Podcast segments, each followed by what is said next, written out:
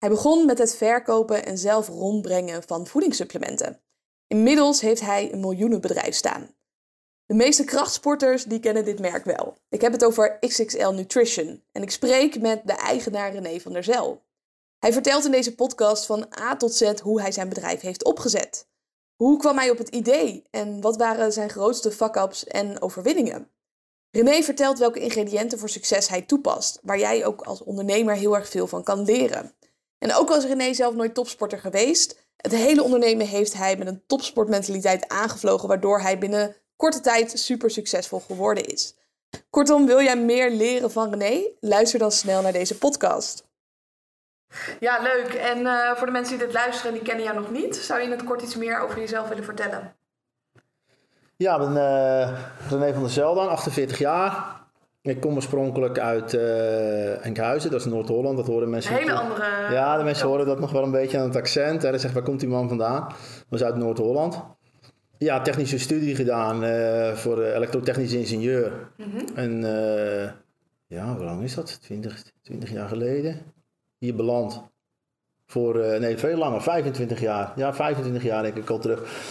Beland dat ik mijn studie had afgerond en bij het energiebedrijf terechtgekomen. Er was een vacature voor, een trainee, dus ik kon allerlei gebieden. Kon je, je kon twee jaar een beetje binnen het bedrijf pionieren, zeg maar. En daarna kreeg je dan een functie. En dat vond ik leuk, heb ik tien jaar gewerkt.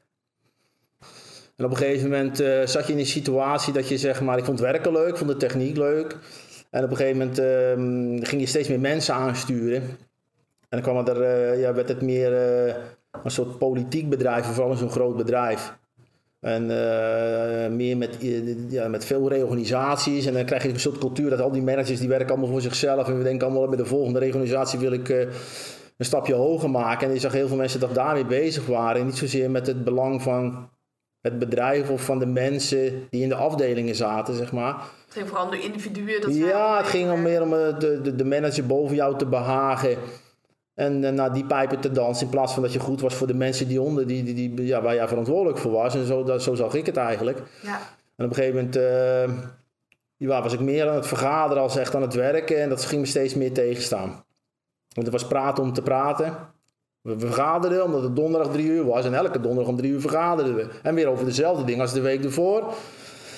En dan stond hetzelfde lijstje, was er weer, kwam weer voorbij. En daar had niemand wat aan gedaan. En iedereen knikte weer een keer en dan gingen we weer. Nou, dat was ja. Ja, maar ik ben een paar keer gewoon weggelopen uit die vergadering. Ik zeg, jongens, hier heb ik geen tijd voor hoor. Ik zeg, die onzin doe ik allemaal niet mee. Dus te confronteren enorm. Mijn hele mindset, die paste niet bij die organisatie, zeg maar. Ik, ik kom daar niet tegen. Ja, het was ja. praten om te praten. Ja, precies. Bezig zijn in plaats van productief zijn. Ja, ja.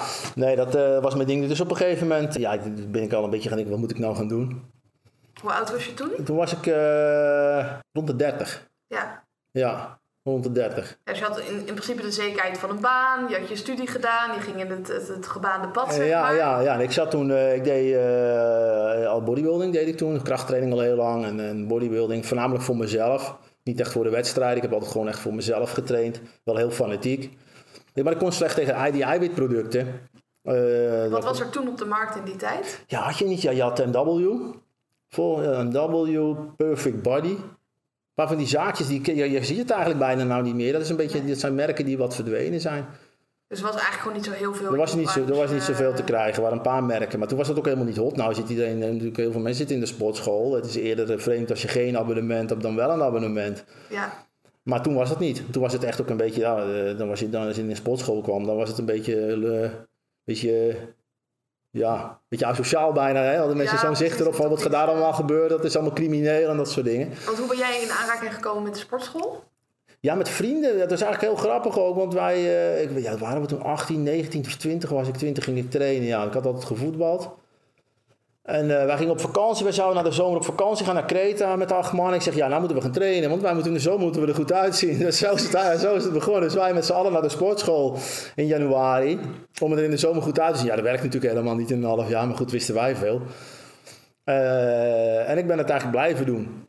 En je vrienden? Die niet. Nee, die die, niet. nee, die zijn gestopt. En ik ben eigenlijk altijd door blijven trainen.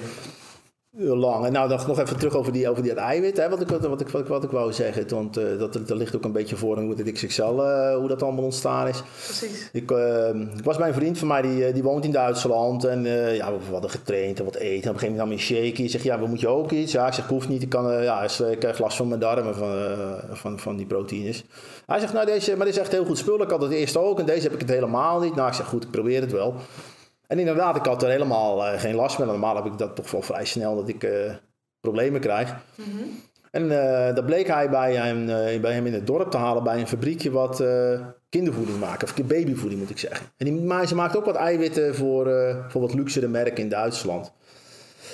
Nou, hij zegt, ik koop dat gewoon daar aan de achterkant, aan de achterdeur. En dan krijg je een emmer mee en er zit dat spullen in. En dat is niet officieel. Het is een restproduct van kaas, toch eigenlijk? Uh, het, uh... Ja, het is een, uh, in die tijd was het zeg maar nog een restproduct wat van de kaasproductie afkwam. Ja, ja. ja. Maar hun, en dat kun je filteren op een bepaalde manier. En dat gefilterde, die gefilterde proteïne gebruikten die mensen om in babyvoeding te verwerken.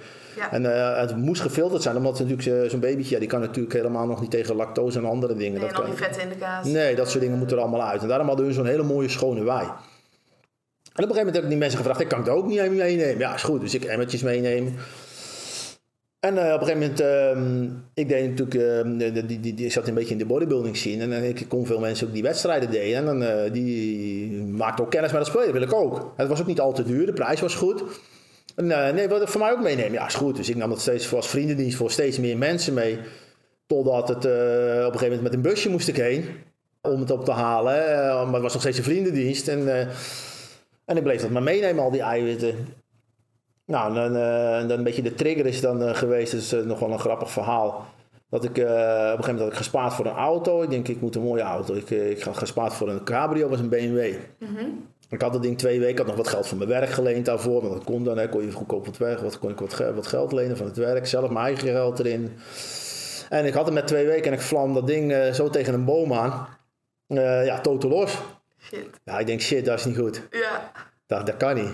Ik denk, maar hoe ga ik dat nou, dat, uh, hoe ga ik dat, dan, hoe ga ik dat nou terugverdienen? En ik denk, ik denk, ik denk, ja, die, die, die producten, die, die, die wij hebben, dat zijn goede spullen. Mensen zijn allemaal blij. Ja. Je en de prijs is goed. Nul winst op eh, was allemaal. Ja, was vriendendienst. Ik nam dat gewoon mee. Ik had er helemaal nooit over nagedacht. Dus ik denk, weet je wat, als ik dat nou, dan moet ik een merk gaan bedenken. Moet ik het op internet gaan verkopen, rechtstreeks aan de klant. Dus niet via winkels, want dat had ik al een beetje gezien. Dat, ja, dat is eigenlijk niet de manier. En ik vond het natuurlijk allemaal duur overal. En ik denk, ja, dit is echt toch wel een gat in de markt eigenlijk. Maar nooit bij stilgestaan, totdat ik dan die auto kapot reed. En op een gegeven moment is ik daarheen geweest van, kan ik dat uh, inkopen bij jullie? Uh, met een emmertje en dan, uh, ja, korn. En ze hadden nog een paar andere productjes. Nou, moest ik een merk verzinnen. Dat is op een gegeven moment, ja, dat is me ook ineens te binnen geschoten. Uh, XXL Nutrition. Ik denk, dat was ja, meteen... Dat was meteen XXL Nutrition, ja. Ik denk, ja, dat uh, bleek allemaal vrij te zijn. Domeinnamen waren nog, merkrechten waren er niet. Dus ik had ook eens dat gedaan. Ja, ik denk, ja, ja, het moet een website. Maar ja, website, ja, ik denk, hoe ga ik dat doen? Dus ik, ik denk, ik moet een eigen website bouwen. Helemaal nooit nagedacht om überhaupt dat uh, toen uit te besteden. Ik denk, dat moet ik, want ik had ook geen geld. Dus uh, heb ik een frontpage voor dummies heb ik gekocht, een boek. Mm -hmm. En uh, dat, van Microsoft, dat vroeger in het Office pakket zat dat. In je Microsoft Office zat er ook frontpage, voor mij bestaat het helemaal niet meer. En ik zelf een website in elkaar geflanst. Ja, het zag er echt niet uit. Het was echt verschrikkelijk. Maar toch, uh, ja, het, het, het, werkte wel. In die tijd kon het toch, misschien kon het ook wel niet, maar toch heeft het gewerkt. Nou, labels heb ik toen gemaakt in PowerPoint. Met van die hele lelijke gradients erin, met kleuren die overgingen van geel naar oranje naar blauw en van allerlei effecten. Maar het was in PowerPoint gemaakt. Met Photoshop uh, kon ik helemaal niet mee werken. Ik weet ook, ook niet eens of het überhaupt of het toen al bestond. Het zal, het zal denk ik vast wel. Maar zelf labeltjes besteld en dan die, uh, ja, ik, ik, had geen geld, dus ik geld van een beetje rondgevraagd of ik van mensen geld kon lenen. Nou, dan werd er al snel vrienden van mij, ja nee, maar er zit niemand op te wachten. En dat is een slecht idee, nee. Er zijn al zoveel merken, en wat wil je nou nog? En uh, ja, ik denk, laat maar. Ik heb op een gegeven moment, ja, mijn ouders vragen. Nou, zeg maar, ja, hier is het, uh, geen probleem. En, uh, dus ik had van mijn ouders ge, dat, uh, dat 5000 euro was, dat ik moest spullen inkopen, want ik had helemaal niks meer. Ja, dat is best wel een risico, denk ik. Want je had en je auto tegen de boom gereden en... Ja, maar ik, ja, maar ik had wel het idee van... Ja, dat risico van die producten heb ik eigenlijk niet. Want als ik het inkoop, ik kan het altijd tegen die inkoop... kan ik het wel weer kwijt. Omdat ja, dus je ik dan, eigenlijk zeker van... Ja. Dat, er zit geen risico in. Nee, dat, er zat eigenlijk geen risico van me in. Ja. Nou, en ja, in die tijd heb ik dat, uh, is dat zo langzaam begonnen. En toen heb ik dat, die, die site opgebouwd. En op een gegeven moment eh, was het de Dutch Bodybuilding. Was een forum. Ja, ja ken ik. Ja, ja, dat bestaat nog steeds. Eh, en daar eh, ben ik een sponsor geworden. Een soort adverteerder, maar dat heet dan een sponsor eigenlijk. Omdat je ook meedoet in discussies en zo. En dat was echt limiet. Hè. Je mocht niet meer, ze wilden ook niet meer dan zoveel sponsoren hebben. Dus daar ben ik een sponsor op geworden. Dat was 2005. En eh, ja, dan vanaf daar kwamen de eerste bestellingen. En dan was je ook echt met mensen aan het chatten. Van die hadden we vragen. En dan kon je gewoon antwoord geven. En dan gingen mensen sommige dingen bestellen. En ja, natuurlijk als dan de eerste bestelling binnenkomt, dan spring je daar een gat in de lucht. En dan, waren ook ja, dan ging je doosjes halen bij de Albertijn. Dan ging je chroma doosjes pakken of B-cell doosjes. En die nam je mee naar huis en daar stuurde je dan die producten in op. En dan, moest dan, dus kwam ik s'avonds terug van mijn werk. Ging ik pakketjes inpakken.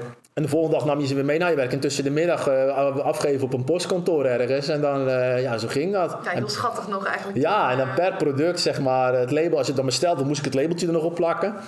Ja, Zo, eh, ja, zo is dat begonnen. Op een gegeven moment werd het, werd het toch steeds meer. Aan het begin hadden we natuurlijk recepten van producten die er al waren. Dan bliften we mee zeg maar, op merken, producten van anderen. En naarmate we het, het groeiden, kregen we ook ja, voornamelijk eigen formules. ja. En dat is steeds meer geworden, zeg maar, dat we steeds meer eigen formules hadden. En ja, ik, had eerst, ik zat eerst naast het huis, in de garage. 10 vierkante meter, denk ik dat het was. Gingen we naar een halletje van 100 vierkante meter en dan ga je erheen. En dan moest ik ook eerst, eerst eh, iemand hebben die mij ging helpen. Als een jongen in de sportschool liep ik tegenaan. Zeg, ja, wat doe je? Ja, ik weet niet, ik werk daar. Ja, met de trainer mee. Ik eh, wil je niet meehelpen, inpakken daar? Ja, is goed. Dus ja, dat was de eerste. Ja, maar zo ging dat, eh, zijn de, tot de eerste 10, 15 mensen is dat zo gegaan. Dat je gewoon iemand op de sportschool tegenkomt van je omgeving. Nee, heb je werk? Nee, ik heb niks. Of ik heb wel wat, maar ik wil graag bij jullie. Ja, goed, kom maar. ja. Zo ging dat. Ja, zo ze gingen met het eerste halletje van 100 meter en dan kom je daar binnen en je denkt, ja, dit is groot. Of 150 vierkante meter, die hoeven nooit meer weg. Nou, binnen de kortste keer is dat natuurlijk te klein. En dan eh, ja, steeds eh, verhuizen, verhuizen. En op een gegeven moment hadden we een gebouw, daar had Keunen Nagel in gezeten. Dat was best groot. Dat was een paar duizend vierkante meter, maar dat was alleen niet zo hoog. Je kon niet zo hoog stapelen. Hadden we daar een gedeelte van. En elke keer als we groeiden, dan ging er toevallig net weer een buurman was en dan konden we weer een gat in de muur breken. En dan konden we weer uitbreiden. Een soort Uit- Ja, ja, dat was steeds op een gegeven moment hadden we heel dat ding. Ja, totdat je op een gegeven moment eh, het allemaal zo groot werd.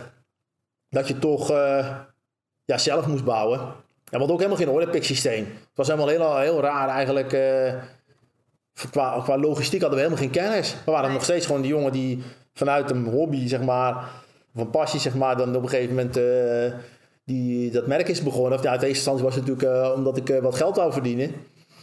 Maar van de logistiek hadden we geen kennis. Nee.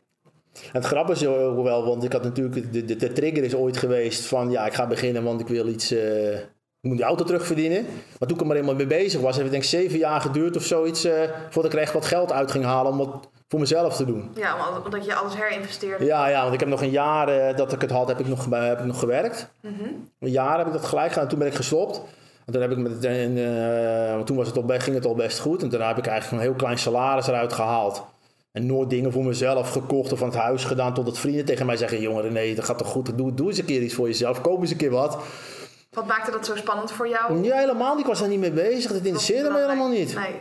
Ik ik heb het helemaal niet. Ik denk, ja, ja, eigenlijk heb je wel een gelijk. Ja, maar je had een heel oud keukentje in dat huis zitten. Of een oude, auto had ik. En dan denk ik, ja, zeg ik, ja, ja. Ik had er niet bij stilgestaan. Dat was voor mij helemaal niet belangrijk. Ik ben natuurlijk van huis uit niet uitgewend. Hè, dat wij eh, veel spullen hadden of dure dingen eigenlijk. En eh, het was voor mij ook helemaal geen doel. Nee. Ik wou gewoon, ik zag dat het. eh, ik vond het heel mooi om te zien dat, eh, dat het goed ging met het merk. Dat mensen tevreden waren over de producten. En ik denk, ja, ik moet meer producten hebben. En er moest ook ingekocht worden. Dus je had ook eigenlijk, er ble- bleef ook eigenlijk niet veel over. Want alles ging in de voorraad zitten. Die steeg enorm snel, die voorraad. Ja. Dus eigenlijk heel veel van de winst zat gewoon in de voorraad. Of eigenlijk alles. ja, en je eerste doel was natuurlijk die auto. En het tweede doel was vooral de ontwikkeling van het merk en mensen daar blij mee maken. Ja, ja. Maar dat, die auto die is eigenlijk pas na zeven jaar pas gekomen of zoiets. Ja, want, heb ik, Eh. want daar- toen ik helemaal bezig was, was het eigenlijk geen doel meer. Want toen was ik gewoon lekker bezig. En dan heb je natuurlijk je focus, had ik op dat bedrijf. En ik denk, ja... Maar ik heb er ook nog niet eens een minuut bij stilgestaan om een auto te kopen. Dat is de- juist dat mensen, of, of, of iets aan het huis te doen, of wat andere dingen. Dat is juist dat mensen op een gegeven moment mij erop wijsden. Dat ja, je bent altijd aan het werk en... eh, Ja, hoeveel uren werkte je toen in geen flauw idee. Ik Ah, werkte niet. Ja, ik zei, ja, ik heb natuurlijk toen tegen, tegen, mijn- toen, tegen mijn vriendin ook gezegd van ja, ja, je werkt veel. En ik zeg, ik werk helemaal. Voor mij, ik werd ook nog gewoon ruzie. Want voor mij, ik denk, ja, werk, wat bedoel je nou? Dit, is- dat, mij, was helemaal geen werk. Nee. Maar ik zat eigenlijk, ik was gewoon, eh, ja, op slapen en trainen na, was ik alleen maar daarmee bezig. Ja, Dus gewoon een enorme passie. Ja, dat was, maar dat was voor mij geen werk. Nee. Je, was, uh, ja, je zat aan de computer, maar je was alleen maar met dat soort dingen bezig. En constant nieuwe formules bedenken. Ja, dan maakte, maakte ik zelf de labeltjes ook nog. Uh, later nou, nou, nou, hebben we natuurlijk allemaal wel veel meer mensen. Maar uh, ja, in het begin was het helemaal geen werk. Ja. En ik realiseerde me dat ook helemaal niet. Dat je aan het werk was. Maar ik denk, ja, het zal best 80 uur geweest kunnen zijn. Misschien wel meer. Ik heb geen flauw idee. Het was in ieder geval geen energielek. Je ging er lekker Nee, want je kreeg er energie van. Ja, ja precies. Kijk, zo... mensen denken van te hard werken, daar krijg ik een burn-out van. Maar ja, ik ja, ik, ook ja, kijk, je ziet dat nu ook. Ik, heb altijd, ik denk dat je van hard werken helemaal geen burn-out krijgt. Ik eh, ben eh, van overtuigd dat als je hard, eh, dat, je, dat je geen controle meer hebt. Ja. Dus dat je de controle, als je de controle kwijt bent, dus achter de feiten aanloopt en brandjes aan het blussen ja, bent. iets wat je helemaal niet leuk vindt. Ja, dat je daardoor die spanning... ja, dat je daardoor. En ik denk als jij hard werkt, maar je bent in controle. eh, denk ik niet dat je snel tegen een burn-out aanloopt. Ja, Dus ik denk dat je de mensen daar toch wel eens. Want dan heb je een soort negatieve energiestress. Je, je hebt altijd het idee dat je bent te laat en je hebt het niet onder controle. Daarom werk je nog weer harder om het wel onder controle te gaan. Maar het lukt allemaal net niet. ja, en je bent niet productief. Je zit in een soort niemandsland, want je hebt de hele tijd stress. Ja, Dus eh, nee, ik ben het helemaal mee eens. Ik, mijn werk zou ik ook gewoon makkelijk eh, de hele dag kunnen doen. Het is dat ik inderdaad moet eten, en slapen en trainen. Maar, Ja. eh, en dan af en toe een dagje weekend. Maar je zei van mijn mevrouw op een gegeven moment, die zei, of mijn vriendin, van Ja. joh, je bent alleen maar aan het werk. Ja. Was dat voor jou een moment dat je daar verandering in ja dat duurt dan drie dagen. Weet je wel, en dan val je weer terug in dat patroon.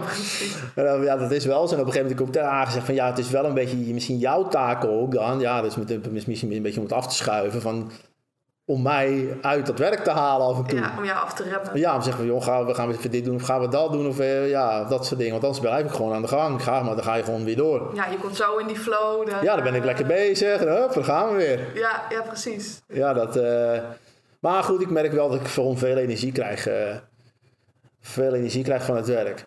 Ik zie het ook aan je. Ja, hè? Als je erop ja, praat, ja. je ogen helemaal te stralen. En, Ja, kijk, en dat is ook, eh, zeg maar, naarmate het bedrijf groeit, zie je ook je eigen rol, zeg maar, veranderen. Dat, eh ja, voor een van vroeger was ik al zelf hard aan het werk. Dan wou je alles, ik stond zelf op een gegeven moment tot een paar jaar geleden nog 's morgens ging ik helpen inpakken. En op een gegeven moment realiseer je ook, ja, maar wacht eens eventjes, je moet je eigenlijk ja, minder rennen en meer denken. Ja, slimmer werken. Ja, gewoon, harder. gewoon nadenken en dan eh, ja, niet harder, want dat is het vaak niet. Je moet gewoon. En als je, als ik het, toen ik het minder druk had, eh, had je ook meer ruimte om na te denken. Want anders ben je gewoon altijd bezig dan heb je geen tijd, dan heb je geen bezinning. Nee, Dat je de creativiteit is... Nee, de creativiteit is er helemaal niet, want je bent gewoon altijd hard bezig, hard aan het werk. En sinds ik dat, dus wat hebben we meer mensen hebben we ook in dienst, dus eh, ook veel meer. Want hoe groot is je team nu? Ja, we hebben gewoon zo'n 35 eh, vaste krachten Ja. en 35 oproepkrachten. Dus zitten ze rond de 70 mensen in totaal. Ja, dus een heel team die jou helpt eh, met alle taken Ja. die je eigenlijk niet zou hoeven doen. eh, moeten Ja, nou, kijk, ik vind heel veel mensen. Ik, wat ik op een gegeven moment belangrijk vond, ik denk, ja, je moet de creativiteit en een soort ondernemerschap bij mensen probe- proberen neer te leggen. Hè. Dat, dat probeer ik. Dat je toch dat je heel veel ideeën uit, uit, de, uit de mensen zelf komt. Dat vind ik Ja. wel heel belangrijk. Dus je moet die vrijheid geven, verantwoordelijkheid daarvoor, maar ook gewoon het vertrouwen. Ja, dan komt er gewoon veel meer uit, die men, uit, uit, uit, mensen. En dat is ook gewoon veel leuker om zo te werken, want ik, ik, ik ben ook geen, helemaal geen baas. Ja. Ik ben meer een eh, motivator, denk ik. ja, precies. Er Of zijn eigenlijk twee soorten leiderschap. Ja. De een, dan staat de leider voorop en dan gaat de rest erachteraan. Ja, Of jij staat achteraan en je duwt eigenlijk de rest vooruit. ja, ja mooi Maar als ik gezegd. je verhaal ja. zo hoor, dan ben je eerder degene die erachter staat en Ja. zorgt dat iedereen. eh, Ja, vind ik. Ja, kijk, eh, als er echt een eindbeslissing moet genomen worden, dan neem ik die wel eh, gewoon. Maar het is niet zozeer dat ik alles ga dicteren hier en wat zeggen wel mensen wel en niet moeten doen. Ik vind dat ja, je moet zoveel mogelijk creativiteit proberen uit de mensen te halen. Ja. En eh, dan is het, eh, dat, is heel, dat is heel goed voor de sfeer op het werk. Je merkt dat mensen vinden het leuk en je merkt heel veel in, in, in een. eh, je ziet ook achter jou het kantoor bij ons, dat is één tuin.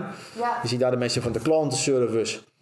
We hebben hier mensen administratie zitten, van de marketing en wat creatieve mensen voor,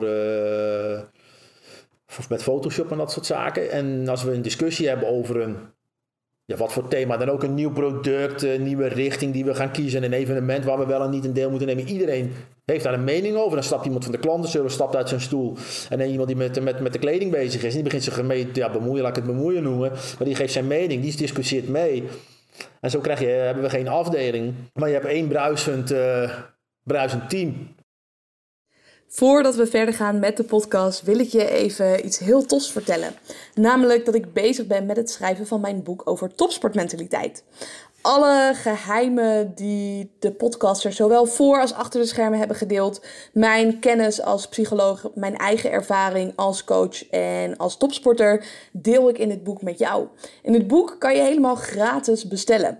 Uh, ga naar isabelleviteris.com slash boek om jouw exemplaar te claimen. En dan heb je hem binnenkort op de deurmat liggen op het moment dat hij klaar is. Ja, van alle hoeken wordt er ja, meegedaan. Ja, dat vind ik heel belangrijk. Want ik heb vroeger in het bedrijf waar ik gewerkt, dan had je, ja, dat zijn die gasten van de klantenservice en dat zijn die gasten van de financiële administratie. Ja, met hun van, uh, weet ik het, Pietje afdeling. Dan krijg je echt muurtjes ga je optrekken en dat wil ik niet. Ja. We moeten het samen doen. Ja. En dat vind ik wel, eh, dat is, dat is echt, vind ik belangrijk voor je, uh, voor je bedrijf om echt vooruit te gaan. Want ja, we zitten in een heel dynamische sector. Ja. En ik vind ook dat wij heel ja, vernieuwend moeten zijn. Gewoon, er zijn ook veel nieuwe trends. Je hebt nu natuurlijk, dat, waar we het net over hadden, dat er meer veganisten komen. Dat ja, ook. Ja, ja. ja, maar het gaat... Ja, ik heb, kijk, anders, ik zeg, we moeten elke dag, vind ik wel niet snel zagrijnig, uh, om het zo maar te zeggen. Maar als we, als we niet vernieuwen, word ik wel zagrijnig. Ja. Daar kan ik niet tegen, want dan zijn we een dozen schuiven. Dan zijn we een logistiek bedrijf. Zeg, dan moeten we hier van Genteloos uh, op de gevel gaan plakken of DHL. Dan schuiven we dozen. Dat zijn wij niet. Of een logisch of, of een fulfillment center. Maar we zijn geen fulfillment, we zijn een merk. We moeten het merk bouwen. Ja. En uh, de, natuurlijk doen we ook wel de logistiek zelf. Dat, hè, eigenlijk zijn we een beetje twee in één. Je hebt een, stuk logistiek. Nou, die producten moeten toch. Ja, dat is, dat is, een bedrijf op zich uh, bijna. Maar ik denk ook dat de mensen zich graag willen identificeren met het merk. Ja. Toen ik begon met sporten, toen kwam ik al snel in aanraking met jullie merk. Ja. dacht ja, die bodybuilders, daar wil ik graag bij, uh, bij horen. Ja, ik snap. Ja, ik snap. Kijk, daar zijn we natuurlijk heel hard mee bezig. En om gewoon het merk ja, te versterken, echt een merk te bouwen. En zoals je zegt, vroeger zijn we natuurlijk, we zijn natuurlijk begonnen met, ooit met het bodybuilding. Daar zijn het, uh, hebben we ook een, in een niche is dat, hè, zijn we daar echt ook wel heel bekend geworden en vanwege de kwaliteit van onze producten. Want dat is altijd vanaf het begin, natuurlijk met dat eerste eiwit wat ik kocht, dat was een hoge kwaliteit. Maar dat vinden wij dat vind ik nog steeds heel erg belangrijk. Ja, zeg maar de, kwaliteit niet verloren gaat. Nee, de kwaliteit van ons is nog steeds het allerbelangrijkste. Als wij een nieuw product ontwikkelen, is de kwaliteit is ja, daar begint het mee. Ja. Als, wij, als we formules maken, dan heb je natuurlijk vaak heb je een verkoopprijs ligt al vast, omdat de markt dat bepaalt of wij vinden dat een product gewoon niet meer dan een bepaald bedrag mag kosten. Nou, dan ga je hem ontwikkelen. En dan blijken er bepaalde keuzes in grondstoffen te zijn die wat een product zomaar een paar euro duurder maakt om te produceren. Maar uh, en dan kun je zeggen, ja, ik koop en neem een mindere kwaliteit van die grondstoffen en dan, dan heb ik meer marge. Maar ja, zo werkt het hier niet. Ja. Wij vinden gewoon echt, nee, het moet wel die kwaliteit zijn, want anders, ja, anders vinden wij het gewoon niet goed.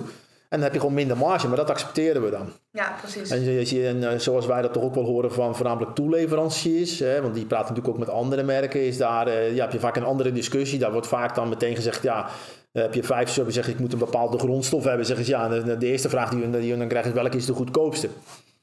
En die vraag stel ik niet eens. Wij vragen van, geef ons maar vijf samples. En wij gaan testen. En dan zeggen wij welke we willen. En dan horen we wel wat die kost. Ja.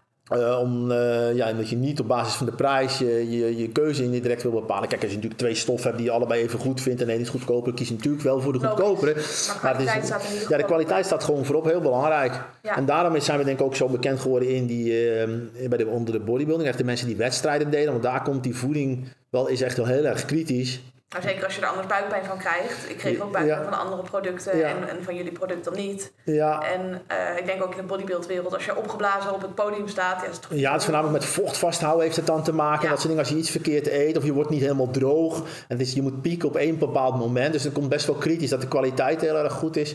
En vanuit die groep mensen is uh, het merk zeg maar doorgedruppeld naar, naar een breder publiek.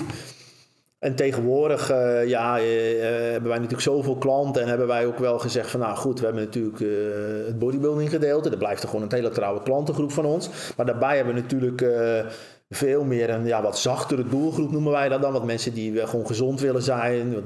Eiwitten zijn natuurlijk ja, al hip deze tijd. Ja, behoorlijk. Ja, en daar hebben wij dus hele producten. Want we hebben iets van 15 soorten eiwit.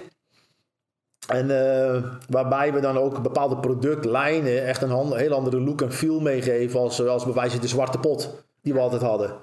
Uh, ja, je ziet het hier een paar, uh, paar staan. Ja, wat lichtere kleur. Ja, transparantie in de pot, van meerdere kleuren, een bepaalde, bepaalde serie producten waar we niet een andere doelgroep mee willen afspreken als buiten dat echt wat hardcore en wat duister. Het ziet er allemaal wat toegankelijker uit. Ja.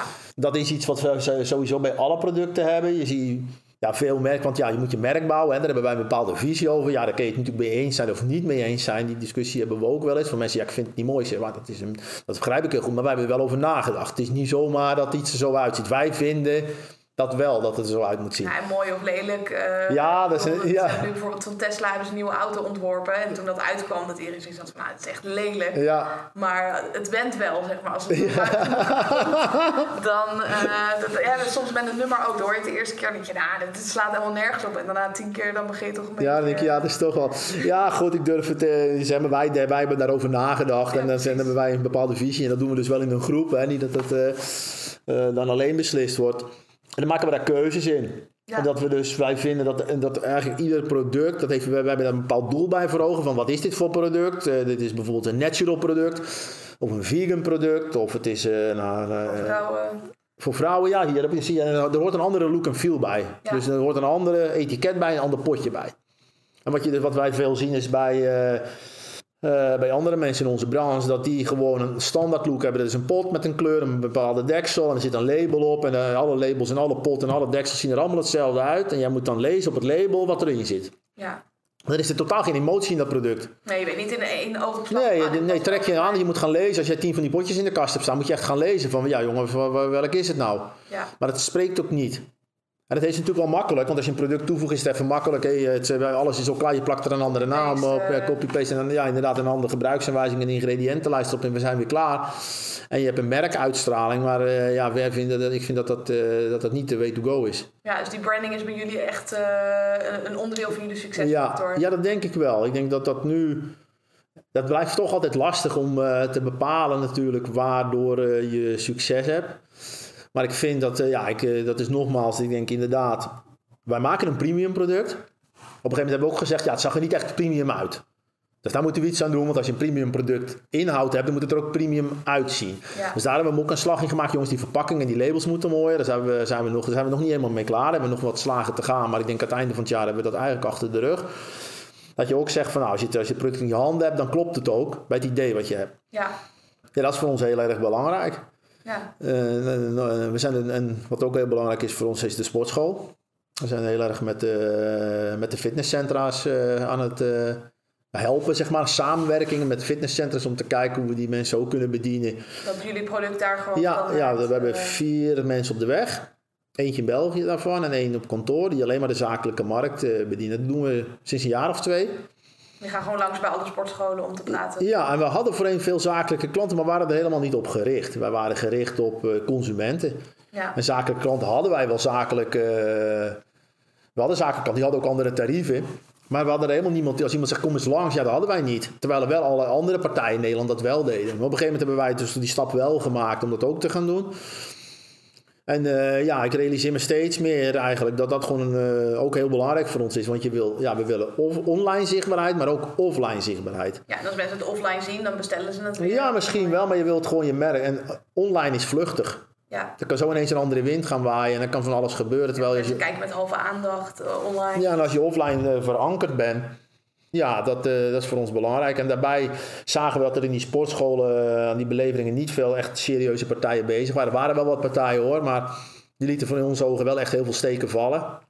En dat was meer een beetje van, ja, ik bestel en, uh, en hup, er flopt iets op de mat. Of één keer in de twee weken komt er een man met een busje langs en die gooit af wat je besteld hebt. En dat was het. Maar er was niet toch geen ondersteuning bij. En, en, en, zo'n, en een sportschool moest ook vaak dan voor zijn dranken bij die. En voor een reepjes weer bij die. En had hij daar weer iemand voor nodig. En wij willen een soort totaalleverancier zijn. Waarbij wij repen, dranken, poeders, mixers, vendingmachines, koelkasten, sportswatterautomaten. We hebben eigenlijk alles wat zo'n sportschool maar zou willen hebben op het gebied van voeding of nutrition of drankjes. Of, ja, dat willen we eigenlijk hebben. Ja, dat is alleen naar jullie toe hoeven. Ja, dat, dat, ja, kijk, als een klant, als wij een zakelijke klant hebben en die wij, ik, ik, zou niet, ik zou het niet fijn vinden als hij ergens anders moet bestellen, omdat wij het niet hebben. Ja. Tenzij wij natuurlijk vinden dat we het niet hoeven te hebben. Nee, precies, dat het niet past bij. Ja, de... maar we bereiden heel we bereiden constant uit. Er komen wekelijks bij ons nieuwe producten. Elke keer zien we weer iets en lopen we tegen iets aan. Hé, hey, dat hebben we niet. Hup, moeten we hebben. Hup, dat moeten we niet hebben. Dan hebben ja. we dat erbij. Hoe maak je daar dan keuzes in? Want het, je kan altijd. Ja, dat, dat beslissen we gewoon heel snel. Ja. Dat wordt binnen, binnen een paar minuten beslist. Wij hebben bijvoorbeeld met, met, met een bepaald blikje drinken, zie je een crossfitbox zoveel. Ja, wij moeten er een alternatief voor hebben. Nou, dan wordt hij beslist, ja, dat moeten we hebben. Want ja, hij zegt, ik ben nou drie keer in een sportschool geweest en zo'n ding. Ik kom er niet, want ze hebben daar zo'n koelkastje met van die blikjes met zo'n drankje staan. We hebben geen alternatief. Nee, ik zeg, ik heb het niet. Ik zeg, ja, dat moeten we hebben. Dus dat gaan we gaan ontwikkelen. Ja. Dus dan komt dat er. Je hebt bijvoorbeeld uh, ja, van die sportswaterautomaten, van die Young-achtige machines. Die ze uh, ja, bij, bepaalde, bepaalde, bij, bij, bepaalde sportscholen zien op abonnementsbasis hadden wij niet. Ja, ik zie ook wel dat er in de toekomst compensatiegeld gaat er komen op flesjes. Dat wordt ook een probleem in de sportschool. Hoe ga je dat dan doen? Moet je dat flesje mee naar huis gaan nemen? Moet je hem inleveren bij de supermarkt? Dat wordt een heel gedoe. Dus ja, maar ik denk, wij moeten ook die automaat gaan hebben. Dus hebben we dat samen met een Oostenrijks bedrijf werd het ontwikkeld. Hebben wij zo ook een vergelijkbaar apparaat. Dat gaan we nou uitrollen de komende maanden. Die apparaten hebben we al, die zijn we nou aan het bestikkeren. Uh, dus dat gaan we ook uitrollen. Ja, en dat... Uh... Ja, dus die kans, je springt erop in. Ja, we, ja, we moeten gewoon... Ja, en dat, dat, dat, dat doen we ook heel snel. En dan bestellen wij gewoon meteen 30 van die dingen. Ja. En ook met vendingautomaten, ja... Uh, ja, je merkt ook dat heel veel merken willen niet investeren. Nou, we hebben bijvoorbeeld een sportschoolketen, ja, die zegt we willen ja, 25 vendingautomaten. Maar ja, goed, 25 van die dingen. Het is weer een hele investering. En, uh, maar goed, wij kopen die gewoon en we gaan die neerzetten. Ja, 25 is veel uh, inderdaad, maar voor jullie ook een mooie kans. Dus, uh... Ja, ook een mooie kans. En, en, wij willen ook gewoon meedenken met die sportschool. Dat, dat wij wij, denken, wij proberen mee te denken. Dus niet dat wij gewoon iemand zijn die je bestelt bij ons en je, de producten komen eraan. Maar ja, goed, we denken graag mee met acties. Houdt iemand een actie? Nou, dan, uh, goed, dan kunnen wij wat goodiebags ter beschikking stellen, dat soort zaken. Dan wil gewoon dat je echt het idee van ik werk met iemand samen. Ja, precies. En je gaf ook wel net aan uh, van we willen ook een andere markt op, meer richting de CrossFit. Ja, meer richting CrossFit, ja. Vertel. Ja, kijk, uh, we zien dat uh, ja, functional trainen is natuurlijk ook gewoon een hele mooie manier van trainen. Ik train zelf natuurlijk ook al heel lang. En als je een echt de klassieke manier van trainen hebt met gewicht trekken aan een gewicht is op zich ja, het is heel erg eh, esthetisch gericht van hoe je eruit ziet, maar het is niet echt functioneel of dat je denkt dat je iets, ja, je kan wel met gewicht omhoog gaan, maar met bepaalde oefeningen van CrossFit heb je een bepaalde oefening die kan je eerst niet, en later kan je ze wel en je doet heel veel met je eigen lichaamsgewicht. Gaat niet aan een bodybuilder om te gaan rennen bijvoorbeeld? Nee, nee, je, je, je, traint natuurlijk ook veel meer eh, tussenspiertjes, dat is alleen niet al die hoofdspieren, dus... Uh, en het is natuurlijk ook uh, vaak zijn groepsverband gaat dat. Dus ik snap natuurlijk heel wel dat het natuurlijk echt wel wat ja, leuker is of heel erg leuk is om te doen. En je ziet ook dat het, dat steeds meer opkomt. Ook voor het grotere publiek. Hè? Als je een uh, papa bent en je wil met je kind spelen, dan kan je denk ik beter gaan crossfit. Ja, dat denk ik wel. Ja. Maar het is sowieso. Uh, kijk, voor ons, wij, willen, wij richten van welke sporten. Eigenlijk moeten richten wij ons op de ja, fanatieke sporter eigenlijk. Die, eh, die, die een goed product wil. Die denkt van ja, die wel even stilstaat van. Wat ik nou neem, is dat nou eigenlijk wel goed? En wij willen dat wij, uh, wij vinden dat wij, uh, dat als een klant bij ons uh, koopt, dat hij er moet kunnen vertrouwen. Want dat is, eigenlijk, dat is het uiteindelijk. Want het is toch een zwarte doos, zeg maar, met iets erin. En je moet er maar op vertrouwen dat het goed is. Want er kan wel van alles op staan. Maar in de praktijk is ook in het verleden gebleken dat wat erop staat nog niet hoeft te zijn wat erin zit. Nee. He, dus, positief testen op, op dopingtesten. ja, dan heb ik niet zozeer over dopingtesten. Want die tijd, met, zeg maar, om daar nog even op in te doping maak je eigenlijk niet meer mee. Dat is echt iets van vroeger, dat echt uh, vanuit uh, van de Amerikaanse supplementen, waar dan bewust bepaalde ja, steroïden of uh, ja, pro-hormonen werden ingestopt, of bepaalde amfetamine-achtige stoffen in pre-workouts. Die zaten daar bewust in en die stonden dan wel of niet op het label.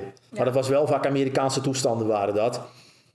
Uit Engeland heb je ook nog wel wat van dat product en daar moet je toch wel echt wel naar uitkijken. En dat is tegenwoordig nog steeds zo. Ja. Maar als jij gewoon nu op een, uh, een wijproteïne koopt van een merk hier in Nederland, wordt hier ook geproduceerd, dan hoef je eigenlijk geen zorgen over te Nee, die tijd, dat is echt Amerikaanse en Engelse producten en vooral pre-workouts fatburners. Ja. Daar is het echt wel. En daar zal nog steeds bepaalde stoffen in zitten dat je echt tot tegen de lamp kan lopen met een dopingtest. Maar gewoon een wijproteïne is niet zo snel. Nee, en wat, wat bedoel je dan? Van dat nou, ik bedoel meer dat iemand zegt bijvoorbeeld er zit uh, zoveel procent eiwit in, maar het zit er niet in.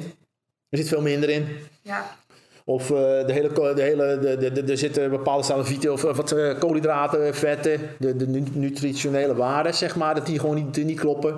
Iemand schrijft op een pot, er zit 2 gram suiker in, er zit 12 gram suiker in. Ja, dat maakt nog wel uit. Uh... Ja, dat maakt zeker, maar dat soort dingen, dat is allemaal gewoon uh, gebeurd. Ja. Dus wij, maar goed, wij letten daar altijd, altijd heel erg op. Wij hebben ook altijd... Uh, kijk, zo'n pro, wij, wij, wij, produceren dat spul niet zelf. Ja, laat het produceren bij een producent. En wij hebben een aantal producenten om ons heen waar wij spullen uitzetten. En kijk, wij kopen op een gegeven moment een hoogwaardige grondstof in, want daar hebben wij voor gekozen. Maar goed, ik heb me altijd al gerealiseerd, ja, die man zegt wel dat hij dat gaat gebruiken van mij.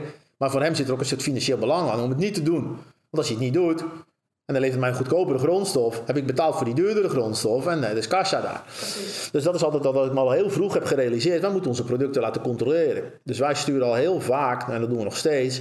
Onze producten gaan naar het laboratorium. Laten we het onderzoeken op uh, verontreinigingen. Uh, op dopingstoffen ook dan, als we hem toch sturen. Ja. En, en, en, maar, maar ook op nutritionele waardes. Van klopt dat nou? Is dat eiwitgehalte wel zo? Is die, zijn, zijn die suikers inderdaad wel zo laag? Zitten die koolhydraten wel in? Die vetzuren, klopt dat wel? En alle producenten van ons weten dat ook. Ja, dat scheelt ook al denk ik. Ja, die weten dat. Want wij hebben, we hebben ook in het verleden ook echt wel heel veel spullen teruggestuurd gehad. Maar dan praat je over een jaar of acht terug. Ja. Dat we echt spullen hebben teruggestuurd. Echt de vrachtwagens vol. En iedereen weet nou ook gewoon, ja, als het voor XXL Nutrition wordt gemaakt... dat wij eh, ja, in hun ogen misschien een lastige klant zijn... Maar uh, dat ze heel goed uitkijken welke grondstof ze wel of niet voor ons verwerkten. Ja, dus die vrachtwagens terugsturen op korte termijn is dat lastig. Uh, ja, lange termijn dat Ja, nou goed en lastig. Ik werd gewoon boos. Ja, ik, ja. ik werd wild. Ik heb heel die pallets omver getrapt. Ik werd helemaal gek. Want wij lieten dat testen en het was gewoon niet goed. Ja, dat, uh, en, dan komt iemand met een verhaal. Ja, maar het valt binnen de Europese regelgeving. En binnen die regelgeving mogen we zoveel procent afmaken. Ze hebben helemaal niks mee te maken met regelgeving, joh. Daar begin je over. Het gaat over kwaliteit. Ja, ik moet gewoon kwaliteit. Ik moet die troep niet hebben. Ja. En uh, dat hebben we toen ook allemaal teruggestuurd. we, hebben, we hebben ook toen regelmatig gehad dat we bij een grote bestelling hadden geplaatst. werden we gebeld, ja sorry jongens, we kunnen jullie deze week niet leveren. Want de huidige grondstof die wij hebben, daar hebben we bemonsterd en die voldoet niet in jullie kwaliteit. En de nieuwe batch komt volgende week binnen. Dan kunnen die, uh, daar hebben we al een monster van en die, uh, die is wel goed. En dan kunnen we weer voor jullie produceren. Want anders gaan we problemen, anders, anders gaan jullie het weer terugsturen of krijgen we problemen. Het voldoet niet in jullie eisen. Ja, bespaar je op lange termijn uh, tijd en geld. Ja, maar daar gaat het me niet om. Het gaat, ik wil dat niet verkopen. Nee, precies. Die, die... Dat is gewoon mijn enige. Ik, ik, wil, ik zou het zeggen, wat is dat? Ja. En ik wil, 100% ja, en, en, juist omdat je zo graag die goede kwaliteit wil leveren, en als het dan niet goed, ja, dan krijg je net of iemand een soort uh, mes in je rug steekt of zoiets. Dan gaat heel, heel je bestaansrecht van het merk valt dat op dat moment even onderuit omdat je uh, zo'n slechte leveringen ertussen hebt. Dus, dus ja, dat is nog steeds bij onze leveranciers, nog staat het nog steeds. Uh, ja, staan we toch wel moet als een kritische, kritische klant, laat ik het zo noemen. Ja, ja precies. Een kritische dus klant. Kwaliteit, eh, misschien is ook wel nodig dan juist om kritisch te zijn, dat je geen lagere standaard accepteert. Ja, dat, uh, ja.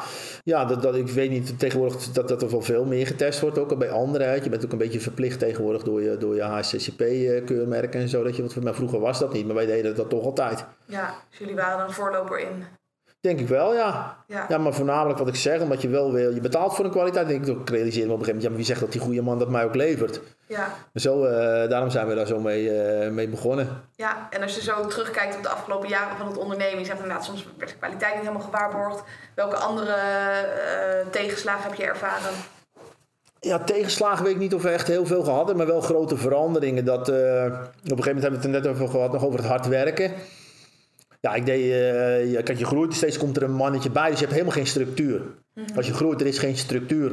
Er is geen marketingafdeling, er is geen klantenserviceafdeling. Die kwam gewoon bij ons en dan ging iemand inpakken en daarna ging hij op de klantenservice doen. Er was gewoon één. We hadden ook helemaal geen functies of dat soort dingen. Nou, op een gegeven moment heb je wel een punt bereikt dat, je met dat, dat er eigenlijk steeds meer mensen kwamen. En alles wat er maar gebeurde, kwam, dat kwam bij mij. Dus dan was het op een gegeven moment, dan zat ik een keer een dag in bureau, dan was ik mijn mails aan het beantwoorden, moest ik nog uh, klantenservice doen. Dan komt er iemand, ja René, het wc-papier is op. Hé hey René, uh, Pietje en Jantje hebben elkaar op hun bek geslagen in het, uh, in het, in het magazijn, die hebben ruzie.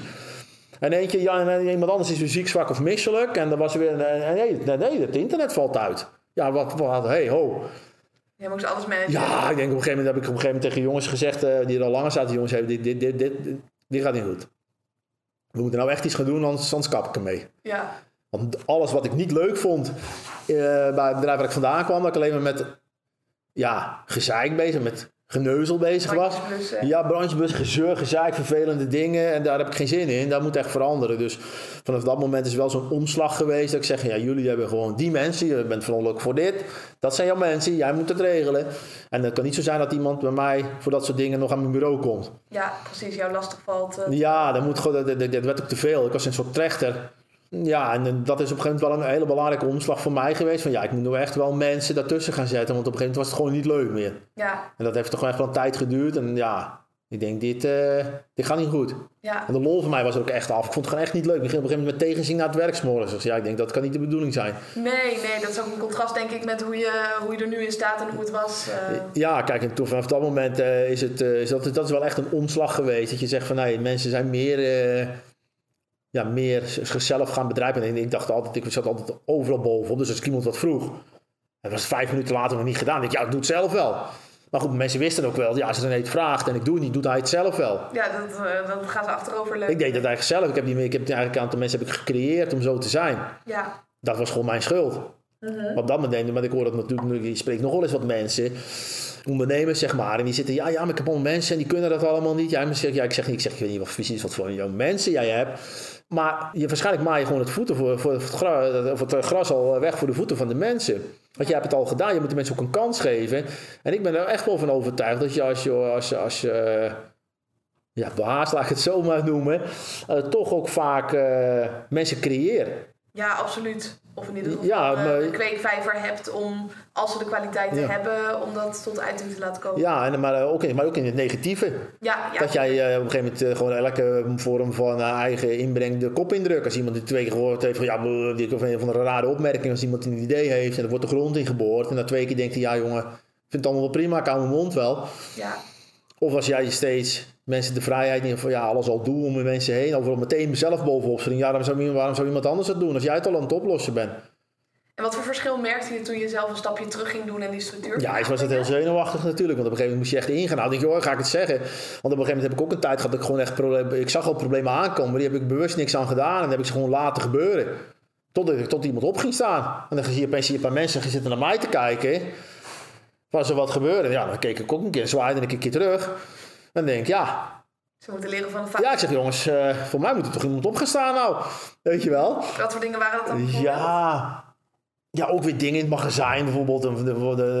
wat gebeurde er? Wat een viel daar ineens drie pallets om of zoiets. Dat stond dan niet zo handig. Ja, weet ik veel. Ik zeg maar wat. Of iemand er was weer een, een of ander opstootje met personeel te onder elkaar. Ja, ik ken zo niet vol. Maar het waren gewoon kleine dingen. Of er viel de stroom uit. Ja, dan zit dit in de mij te kijken. Ja, maar dan gaan, gaan, gaan, gaan, gaan naar de fucking stoppenkast. En dan kijk wat er aan de hand is. Of bel de elektricien. Weet je wel, dat ging over hele simpele dingen. Precies. Maar, ik deed alles. Ja, ik deed alles. Dat, dat zijn de meest basale dingen natuurlijk. Dus gaat het op een gegeven moment veel, veel wat grotere dingen. Maar dat waren gewoon zulke simpele dingen op een gegeven moment. Waar ik altijd meteen deed. Ja. Maar als je daar gewoon mee stopt op een gegeven moment. Ja, dan mensen dat natuurlijk toch zelf gaan doen. En, uh, maar dat is eigenlijk heel goed uitgepakt. Want dan blijkt eigenlijk dat mensen... Daar heb ik niet over een stoppenkastje of een dingetje om dingen. Maar gewoon echt hele eigen nieuwe ideeën inbreng. Dat je toch dan op een gegeven moment... Uh, er komt er veel meer uit iemand dan dat je eigenlijk ooit verwacht had. Ja. En dat uh, ben ik wel positief verrast. En dan ben ik een heel andere kijk uh, ben ik erin gaan zitten. Want ik was vroeger, ik ben nog wel een controlfreak, uh, laat ik het zo noemen. Niet in, de, niet in de, ergste zin of zo. Want ik ga mensen controleren ik hier sowieso niet bij mij. Nee. Ik, mensen hier controleer ik niet omdat ik het vertrouwen geef. En ik heb het idee dat ik het vertrouwen terugkrijg. En als ik iemand moet controleren, vertrouw ik hem niet. En dan, uh, kan, ja, dan kan je beter ander werk gaan zoeken. Dat, uh, ja, precies. Ja, ik ga niet. Nee, dat mensen controleren doe ik niet. Natuurlijk loop je er wel eens een keer tegenaan dat er dan toch eens een keer een rotte appel tussen zit, zeg maar. Maar eigenlijk hebben we dat niet, ja, weinig last van. Nou, dat is uh, in ieder geval heel fijn uh, qua ja, inderdaad. Ja. En dat je ziet op een gegeven moment dat, gewoon dat de mensen controleren elkaar op een gegeven moment. Er zit een soort, ja, of controle. Ja, het is geen controle, het is een samenwerking. Dus iedereen wil er gewoon het beste van maken. En uh, versterkt elkaar. Dus eigenlijk, ja, ik, ik ben eigenlijk daar niet in, niet in nodig. Ja, controleren, ja, daar ben ik sowieso niet van. Ik vind het niet... Uh, nee. nee. En hoe ben je hier terecht gekomen? Want je kwam natuurlijk uit het noorden. Was dat vanwege de locatie? Nee, vanuit het noorden. Ik ben hier vanuit het energiebedrijf komen werken toen. Daarom ben ik vanuit Noord-Holland ben ik hier verhuisd. Mm -hmm. En altijd blijven hangen. Beviel zo goed? Ja, ja, ik weet niet of het zo goed beviel. Misschien is het een soort gewoonteachtig iets. Want je bent hier, je begint aan het supplement. En je, dan ga je naast je huis in de garage, heb je dat. En je, je, je kennis in je leven hier. En ja, ik heb eigenlijk nooit gedacht van ik moet terug of zo. Want ik heb, had er eigenlijk ook niks meer. Want ik was ook al lang weg daar. Ja, je ouders wonen daar dan nog wel. Maar je vrienden kennen heb je, heb je eigenlijk niet meer. Je hebt het allemaal hier opgebouwd. Ik heb eigenlijk nooit overwogen om, uh, om, weer terug te gaan. om terug te gaan. Nee, die overweging hebben we nooit gehad. Nee. Kijk, we zitten hier nu in dit, uh, in dit, in dit pand. Dat hebben we een jaar of twee...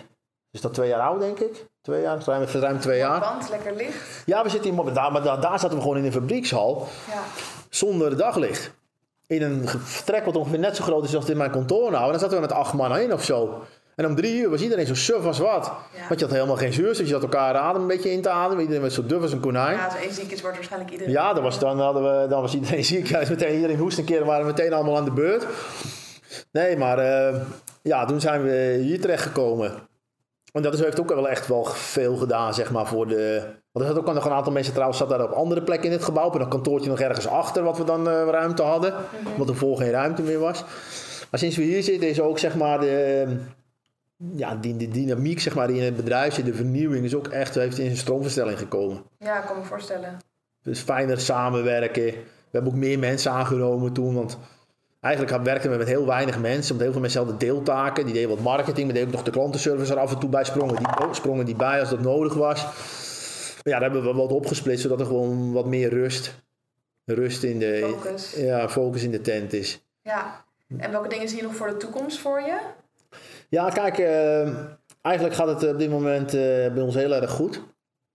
We hebben natuurlijk uh, vanwege ja, het hele COVID-verhaal natuurlijk toch wat in maart gingen de sportscholen dicht. We hebben toch echt wel een dip gehad, want we hebben best veel zakelijke klanten. Toen, maar daarna bleven we toch nog op een redelijk niveau zitten. Het is wel even onder het niveau van vorig jaar geweest. Maar op een gegeven moment kwam het, kwamen we alweer boven het niveau van vorig jaar. normaal hadden we ook echt wel flink geplust, want januari en februari waren echt hele goede maanden. Ja. Maar uh, jullie gingen de sportschool uh, open. Dan hebben we een all-time record gehad. Dus echt uh, absoluut verkooprecord. We hadden nog nooit zoveel verkocht. In augustus hadden we bijna hetzelfde verkocht weer als jullie. En in september hebben we weer een all-time record. Terwijl september altijd toch niet echt een, hele fantastische maand is. Nee, de zomer is voorbij. Ja, we zien altijd dat van januari tot juni is het druk. Juli, augustus is rustig. Ja, juli, juli, augustus is het uh, vakantietijd, dus is het rustiger. September trekt het weer wat aan. November heb je dan de Black Friday en dat soort dingen. En dan heb je dus sowieso een wat betere maand. En dan ook in december is een dip. Want niemand is met trainen en met voeding bezig in december. Want die, willen alleen, die denken alleen maar aan een kalkoen en, uh, en chocolaatjes en wat andere dingen allemaal. In januari beginnen ze wel weer. Ja, in januari gaan we weer beginnen. En dan eh, piekt het weer in januari tot en met juni. En dan heb je hetzelfde patroon. En dan hoop je natuurlijk in januari een stuk meer te verkopen als het jaar ervoor. Ja. Je kan in januari eigenlijk al heel... meten. Ja, in januari meet je en dan kun je eigenlijk al redelijk inschatten wat de rest van het jaar gaat doen. Ja. Mits er niks, ja, geen gekke dingen gebeuren. Nee, precies. Dus stel dat januari wat lager is, dan kan je nog bijsturen. Maar ja, in dit jaar zien we dat in juli dat we een record hebben. In september hebben we een record. Gewoon een all-time record. En we kunnen het niet echt goed verklaren. Ja, we, we, we zijn natuurlijk aan, aan, aan 20 knoppen aan het draaien. Ja, en dan weet je niet zo goed door welke knop het nou Nee, maar er is nooit één knop. Nee. Dat is de volumeknop. ik, zie, ik zie het als een mengpaneel. Je hebt een mengpaneel en je hebt een volumeknop. Maar de volumeknop, daar geloof ik niet zo in. Dat je er één knop hebt waar je aan draait en dat je dan meer gaat verkopen. Dat de output groter is. Ik denk niet dat er in een business een volumeknop bestaat. En dan denk je de mengpanelen met allemaal knopjes en je draait aan dit knopje een beetje en die en die. En op een gegeven moment staan ze goed ja, je blijft dan toch draaien, want nooit staat iets goed. Dus er moet altijd weer iets anders of, of meer of beter of uh, nieuwe concepten. Dan blijf je aan draaien. En uh, samen op een gegeven moment dan, uh, wordt het, ja, dan, dan, kom je in de, dan komt je in een positieve flow. Ja, dus wij, je op die manier aan. ja, ja, ja, precies. Wij zitten nou in de positieve flow. Het is, we hebben een nieuwe website. Nou, in het begin was het een drama, dat ding. ja, gewoon hele hoofdpijndossier is dat geweest. Maar goed, we zijn nou, de, de, de bugs zaten erin, die zijn eruit. En nou moeten we hem tweaken, dat die echt... Maar we kunnen daar veel meer mee. We zien ook dat de output van de nieuwe website gewoon voor ons veel beter is. En daar blijven we continu aan werken. We hebben nieuwe producten constant. Oude producten in een nieuw jasje. Oude producten in een keer een upgrade geven. Kan de smaak niet beter? Is de formule nog wel van deze tijd? Of moeten we die aanpassen? Nieuwe samenwerkingen. We zijn... Uh, steeds meer met de sportschool aan het doen als zijn een kanaal waar we onze bekendheid kunnen vergroten. Ja. We zijn kijken naar offline eh, dus evenementen. We zouden dit jaar op een aantal dancefestivals staan met een container. We hebben hier buiten een zeecontainer staan. Kunnen we openklappen aan de voorkant, dan hebben we een proteinbar. Die is oh, helemaal ingericht, ja. Die staat, hier, staat hier buiten. Kan je die zo zien? Ja, die kan je zien. Ja, ja. Die staat hier. Uh, dus die klap je hem open. Dan heb je deuren die gaan open links en rechts. En dan heb je een, uh, een totaal oppervlakte van, van 12 meter.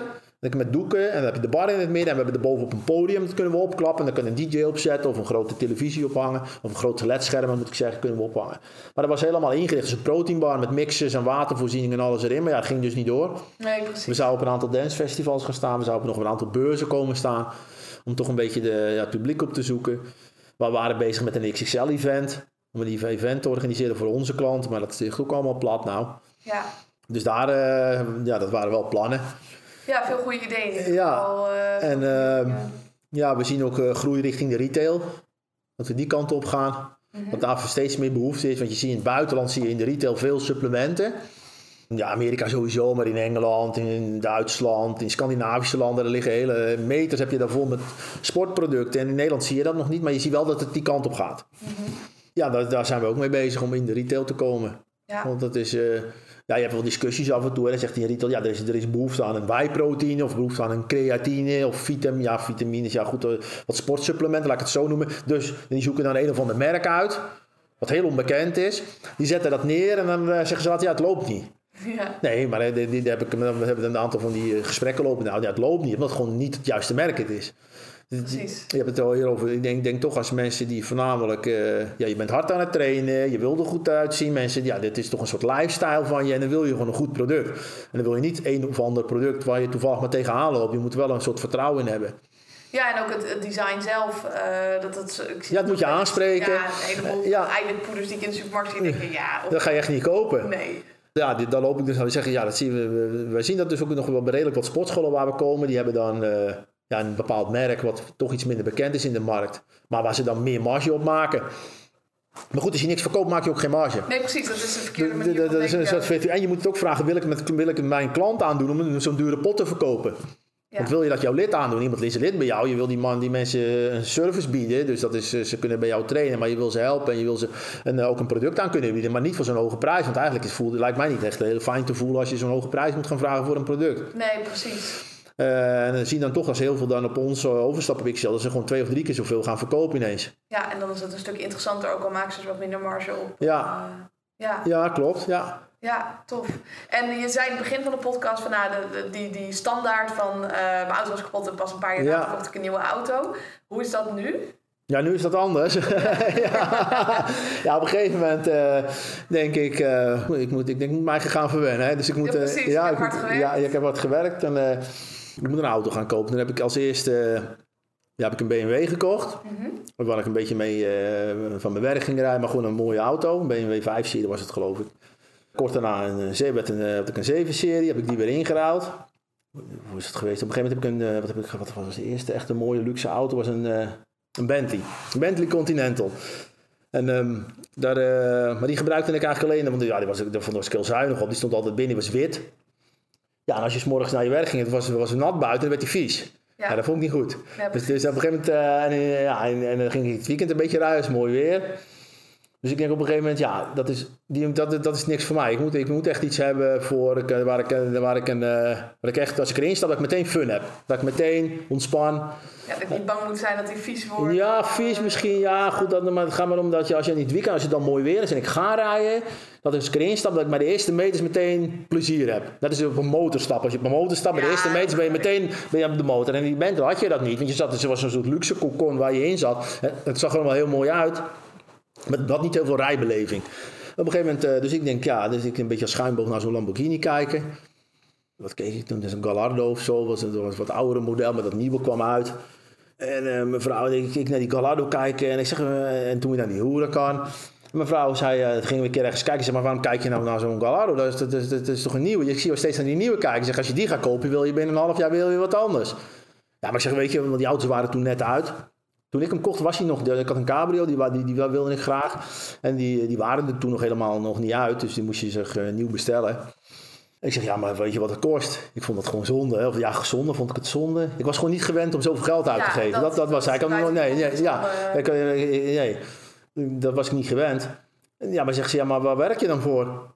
Zeg maar, wat kun je het betalen dan? Ja, zeg, gaan we minder eten dan? Nee, zeg maar, wat, wat, wat, wat kun je het op je werk nog wel, je, je facturen betalen, je inkoop? Ja, tuurlijk, alles kan nog. Maar ben je gek, jongen, met hartstikke gek. En zij zat ze een beetje zo'n gek weggooigebaar te lopen. En dus ze gewoon weggelopen. Je bent helemaal gek, jij. Zoals je die auto koopt, jij bent niet goed. Weet je wel, je moet gewoon kopen, je koopt dan wat je wil. Want daar werk je werkt altijd. Waarom moet je dat toch doen? Ik denk, ja, ze heeft nog gelijk ook. Ja, precies. Het was ook geen investering waarvan je dus... Wel helemaal niks. En, en, ik ben ook niet een type dat een auto... Uh, als ik een auto moet, het ook betaald. Want ik vind het iets luxe. Luxe goederen, laat ik het uh, zo noemen. Daar ga, ga ik geen geld voor lenen. Ja. Want ja. Dat, dat moet... Uh, het is geen investering. nee, want dat, nee, of een huis kan je nog voorstellen dat je een hypotheek en dat soort dingen. Hè, maar voor een auto denk ik, nee, dat is iets luxe. Dat moet ik wel, dat moet ik gewoon zo kunnen betalen. Anders moet ik het niet doen. Ja. Dus, uh, maar wij hebben op een gegeven moment uh, ja, voor de, die, die hoerenkan uh, gekeken. En naar Italië geweest, het ding samenstellen. Daar is een configurator room. En ja, ik denk, ja, hier zit ook die Jody Shikes. Zitten hier om die auto samen te stellen. Ja. Dus dan kun je helemaal zeggen van wat voor stikseltjes je wil en zo. Dat was wel heel leuk. En die heb ik, heb ik gehad. Toen, toen, heb ik die een jaar of twee of tweeënhalf of drie gehad. En toen wou ik, eh, denk ja, ik wil. Ik heb, echt, ik heb die altijd, altijd gehad, maar ik, een kennis van ons had een Aventador. Mm Dat was zo'n SV, zo'n speciaal model. Ik denk, ja, dit is een, een einddoel. Zeg maar, dat is echt dik. Dat vond ik echt altijd de dikste. Ik, vond, ik was heel blij met mijn eigen auto, maar toch elke keer als ik bij hem was, dan keek ik ernaar. Nou ja, dan, ja, ik, ja, dan denk je shit. Ja, weet je wel. Ja. Toch, ja, oi. En op een gegeven moment kwam daar dus een nieuw model vanuit. Van een gelimiteerde auto was dat, een SVJ. En uh, ja, ik weet niet meer. Ik zat er elke keer naar die foto's te kijken. Ik wist helemaal nog niet eens wat die kostte toen. Een beetje gevraagd van, ja, wat gaat die ongeveer kosten? Is het helemaal extreem veel? Dat, of is het iets meer als een Aventador? Zegt ja, het is waarschijnlijk iets meer als een gewone Aventador. Denk, ja, nou goed. Maar die komt gelimiteerd. Nederland had geloof ik tien gegadigden. kregen maar drie auto's. Of vier, vier auto's kregen. Er zijn tien mensen die hem ongeveer wilden. Toen de tijd. Maar ik, uh, ik had toen ook, een, ook weer zo'n discussie met mijn vrouw. Op een gegeven moment denk ik, ja, eh, het ging gewoon goed met de zaak. En ik had ook helemaal geen, geen uitgaven gepland. Hè. We hadden dit allemaal, dit was allemaal, het liep hier allemaal. Het huis was prima. We, we, hadden ook geen kapitaal nodig voor een bedrijf op dat moment. Ik denk, en het kon ook makkelijk. Ik denk, weet je wat, ik, uh, ik ga die, die man van Lamborghini een berichtje sturen. Ik wil die, ja, ik heb graag voor die auto. Ja, zegt hij, maar nee, dat gaat zomaar niet. Die, ja, daar moet je voor gekozen worden. Ja. Ja, nou, op een gegeven moment ja, werd het op een gegeven moment gebeld. Ja, nee, uh, ja, als je wil kunnen we jou die auto gaan leveren. Wat goed. Dan denk ik, oh shit. ja, dat is natuurlijk een belachelijke prijs voor zijn auto uiteindelijk. Want als je de bedragen slaat, het slaat helemaal nergens op. Ja, maar toch wil je het Ja, maar, ja, en, uh, ja, maar dus, ik vind het wel echt vet. Het is een hele, ik vind hem echt super vet. En uh, elke keer als je ermee rijdt, dan is het gewoon een sensatie. Ja, en je uh, bedoel, als ik bij mezelf kijk, je besteedt toch uh, wel tijd in de auto. En als je dat op een andere manier kan besteden, ja. dat je net even wat lekkerder in zit. Dan, ja, maar zo zit je helemaal niet lekker in zo'n ding, hè? Nee, nee, nee dat zit er zelf allemaal niet op. ja, ja, ja, want, hey, toch uiteindelijk gebruik je hem niet zoveel. Nee. Maar ik heb nou hier de auto's onder het gebouw, heb ik een, een garage gebouwd. We hebben op een gegeven moment uitgebreid. Daar hebben we een ik had, ik had wat meer auto's toen de tijd. Die, eh, ik denk, ja, weet je wat, ik vind het leuk om wat auto's te sparen. Wat oudere, klassiekere auto's worden dat. Misschien vond ik, denk ik, ga dan sparen. Wordt het meer geld waard. Uiteindelijk ben ik erachter gekomen dat ik helemaal geen auto's wil sparen. Heb ik alles weer verkocht. Omdat ik toch wel een keer zorgen van heb. Want ik moet onderhoud, moet dit, moet dat, was al een keer wat. En ik wil alleen nog maar auto's waar ik mee rij. Dus dat is niet dat ik heb gezegd dat echt sparen, dat verzamelen, dat is niet voor mij weggelegd. Nee. Alleen auto's waar ik in rij. Maar ik had ze ergens staan en we gingen uitbreiden. En toen had ik toch die man die hier bouwt, zegt, waarom maak je geen kelder? Nou, ik denk dat is wel een heel goed idee. Dus op een gegeven moment hebben we hier een, uh, die kelder gebouwd. En daar, uh, daar staan die auto's nou. Ja. dat is ook wel leuk, want het is ook gewoon leuk om naar te kijken. Ja, precies. Ja, hè, dus, ja, ja, zeker. Ja, we gebruiken dat ook wel. En samen met mijn vrouw, we doen ook veel ritten met, met is dat. Dat is zo'n autoclub. Ja, die volg ik ook. Ja, die volg je ook. Ja, dat zal dit jaar ook weinig kunnen doen helaas. Wel een rit gehad. Maar ja, dan ga je gewoon een week weg en dan ja, lekker rijden.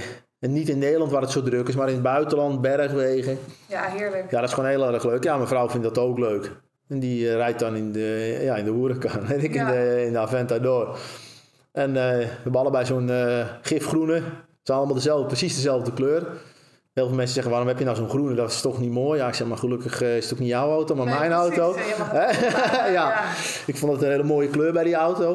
Ja, daar hebben we heel veel lol van. Ja, en grappig dat het is natuurlijk eigenlijk allemaal begonnen met een auto. En dat er ja, een passie uit ja, ja, op een gegeven moment. Uh, als het kan, ik denk ja, waarom niet? Je moet er ook een beetje van genieten. Want ja, maar nog steeds ook. Aan de mensen, ik zeg wel eens zeggen, ja, doel, geld is geen, voor mij geen doel op zich. En dat is eigenlijk nog steeds iets. Het is nooit nou, ja, van semi-doel geweest. Ja, maar dat is natuurlijk, weet je, omdat mensen, ja, maar je hebt wel die auto's. Ja, dat snap ik wel.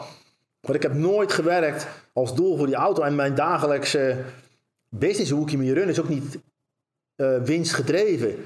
En dat klinkt heel raar, maar we hebben ooit hier, een, eh, we hebben hier met mensen waren we bezig. We zaten hier aan tafel, met, ook met Guus van de marketing. Hij, zei, hij zegt, nee, wat er nou net gebeurde, dat, dat typeert jou als mens. Dat vond hij zo mooi en ik had het zelf niet eens door. We zaten hier, we hadden het over een concept en we waren druk bezig. En zeggen, nee, we hebben dit en dit. Die idee hebben we uitgerold. Het was iets met de sportschool of een nieuw product. Ik weet niet meer precies, maar het was een succes. Nou, ik zeg, fantastisch man, echt mooi en iedereen blij. En uh, opeens kwam onze financial controle kwam binnen. nee, nee, nee, uh, we hebben ineens... Uh, ik heb de cijfers van vorig jaar en we hebben gekeken en we hebben 8 ton winst meer gemaakt. ik zeg, ja, ja, oké, ja, ja, prima, ja. Maar ging gewoon door. Met de vergaderingen? Ja, vergadering, ja, goed, we dingen, dit, dit. En we waren gewoon praten en dit, dit, dit, dat. En, en zegt Guus, maar weet je net wat hij zei?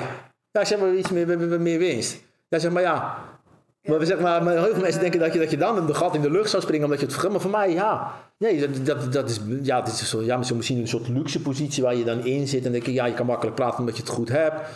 Ja, maar dan kan je wel sturen op basis van cijfers in plaats van emoties. Ja, maar dan ga je ik ben niet, uh, want dan zou je ook bijvoorbeeld, want als je heel erg op de winst zit alleen, dan zou je ook die goedkopere grondstoffen in gaan kopen. Ja. Om meer marge te maken.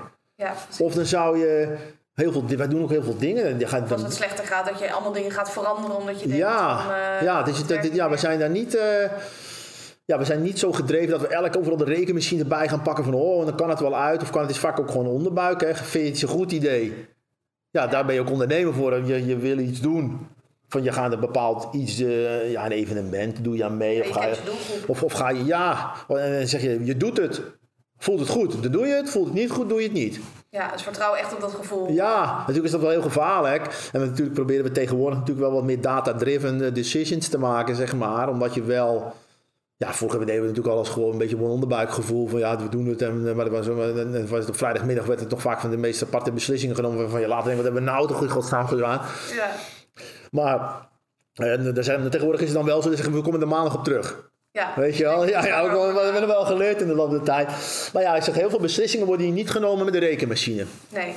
Nee, en, en dat onderbuikgevoel, ik ben zelf psycholoog, dus ik weet ook dat, uh, dat dat is niet alleen maar per se zweverig of slecht, maar het is gewoon gebaseerd op alle eerdere dingen die je hebt meegemaakt. Als jij weet van ik heb een uh, eiwitshake gemist op het festival, ja. ben je dat niet bewust, heb je dat opgeslagen, maar wel dat je denkt, ah, dit is een goed idee, ik weet niet zo goed waarom.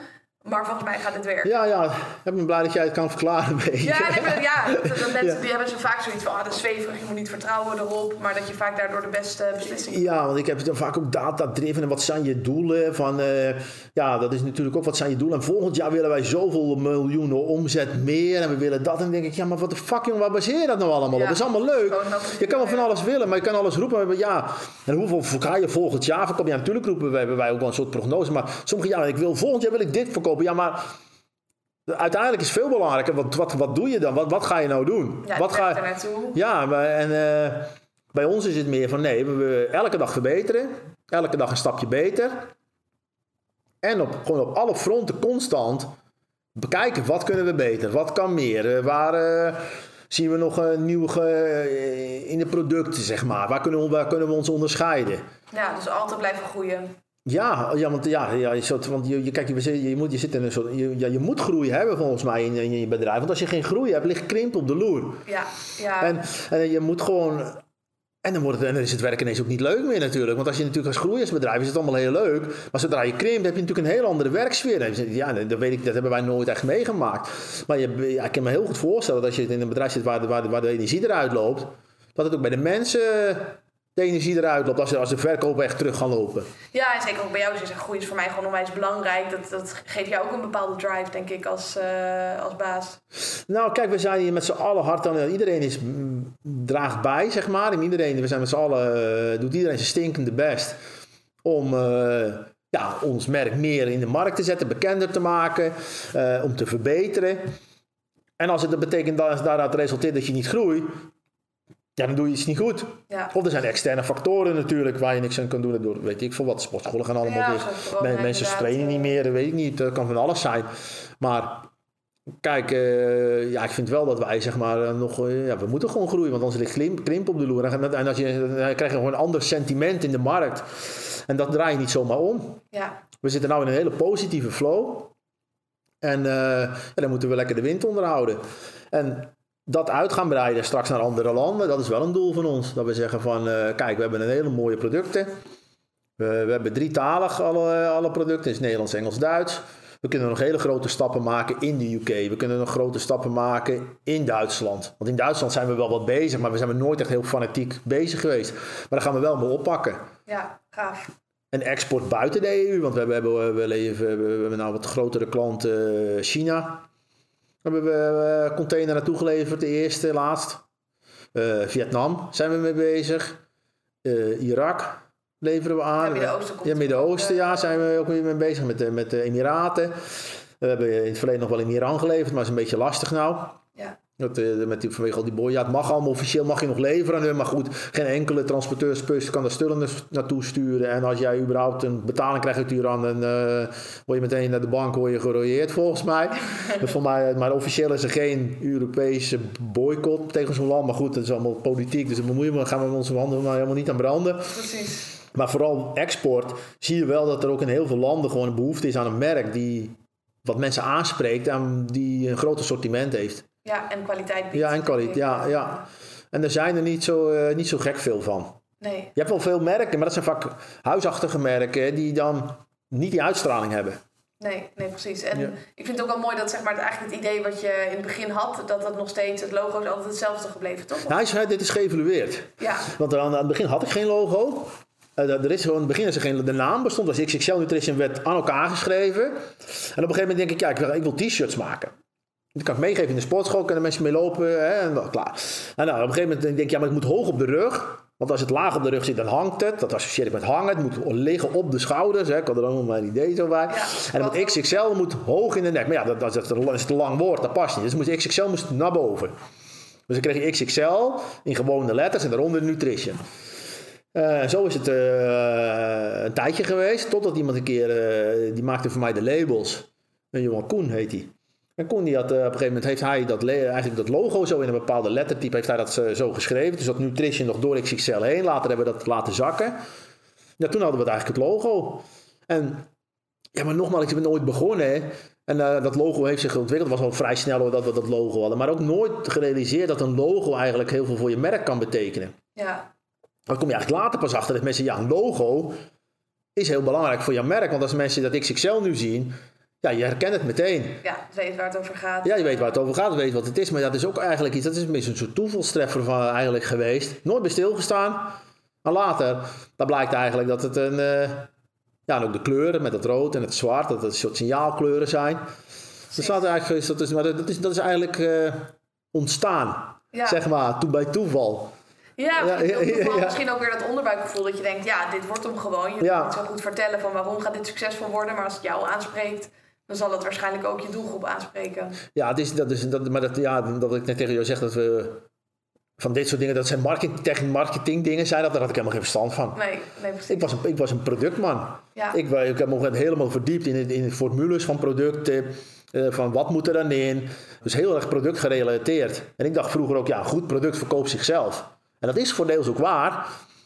Maar helaas zie je ook eh, heel erg veel dat een slecht product met een goed verhaal ook heel goed verkoopt. Ja. Soms veel beter nog. Totdat Ja, mensen op een gegeven moment erachter komen, joh, maar dit is toch niet zo goed en dan, dan, dan gaat het weer krimpen. Ja. Dat weet ik niet, maar ja, ik was er nooit zo mee bezig. Totdat we ook nog veel meer met marketing gingen doen en dat soort zaken. Toen hebben we ook een stroom, toen hebben we ook een vogelvlucht genomen. Want we toch wel meer met marketing gingen doen. Want ik vond het wel onzin. Ik, ja, ik heb een goed product, dan moet allemaal dit. Dus, ja, maar eh, dan heb je bij wijze van spreken je een supergoed bedrijf, maar een hutje op de hei en dan kan niemand het natuurlijk... eh, Nee, maar dat, ja, vinden. ja, maar dat was wel altijd. Ja, Ja. Dat is echt een ouderwets bedrijf. Dus productgerelateerd noemen ze dat volgens mij in marketingtermen. Dat het echt van uitgaat, uitgaat van het product. En ik heb een product en dat is goed. ja. Dus dat verkoopt zichzelf. Ja, maar die wereld leven wij niet meer in. Nee, helemaal nu het online allemaal Nee, nee. eh, aan de gang is. En dat is natuurlijk al langer niet zo. Maar ja, dat is wel eh, eh, dat, dat we heel, eh, heel lang toch eigenlijk relatief weinig marketing hebben gedaan. Dus de laatste jaren is dat natuurlijk wel bij een heel team ervoor zitten. Maar in het begin nog niet... Nee, helemaal niet. Maar tot heel lang niet. Tot, tot heel lang eigenlijk niet gedaan. Het was allemaal mond-op-mond reclame is dat steeds geweest. Ja, ja, want ik kan bij mezelf ook wel herinneren, dat was ofwel via Google dat ik jullie vond, Ja. of ik zag jullie bij mij in de sportschool, of andere mensen gebruikten het.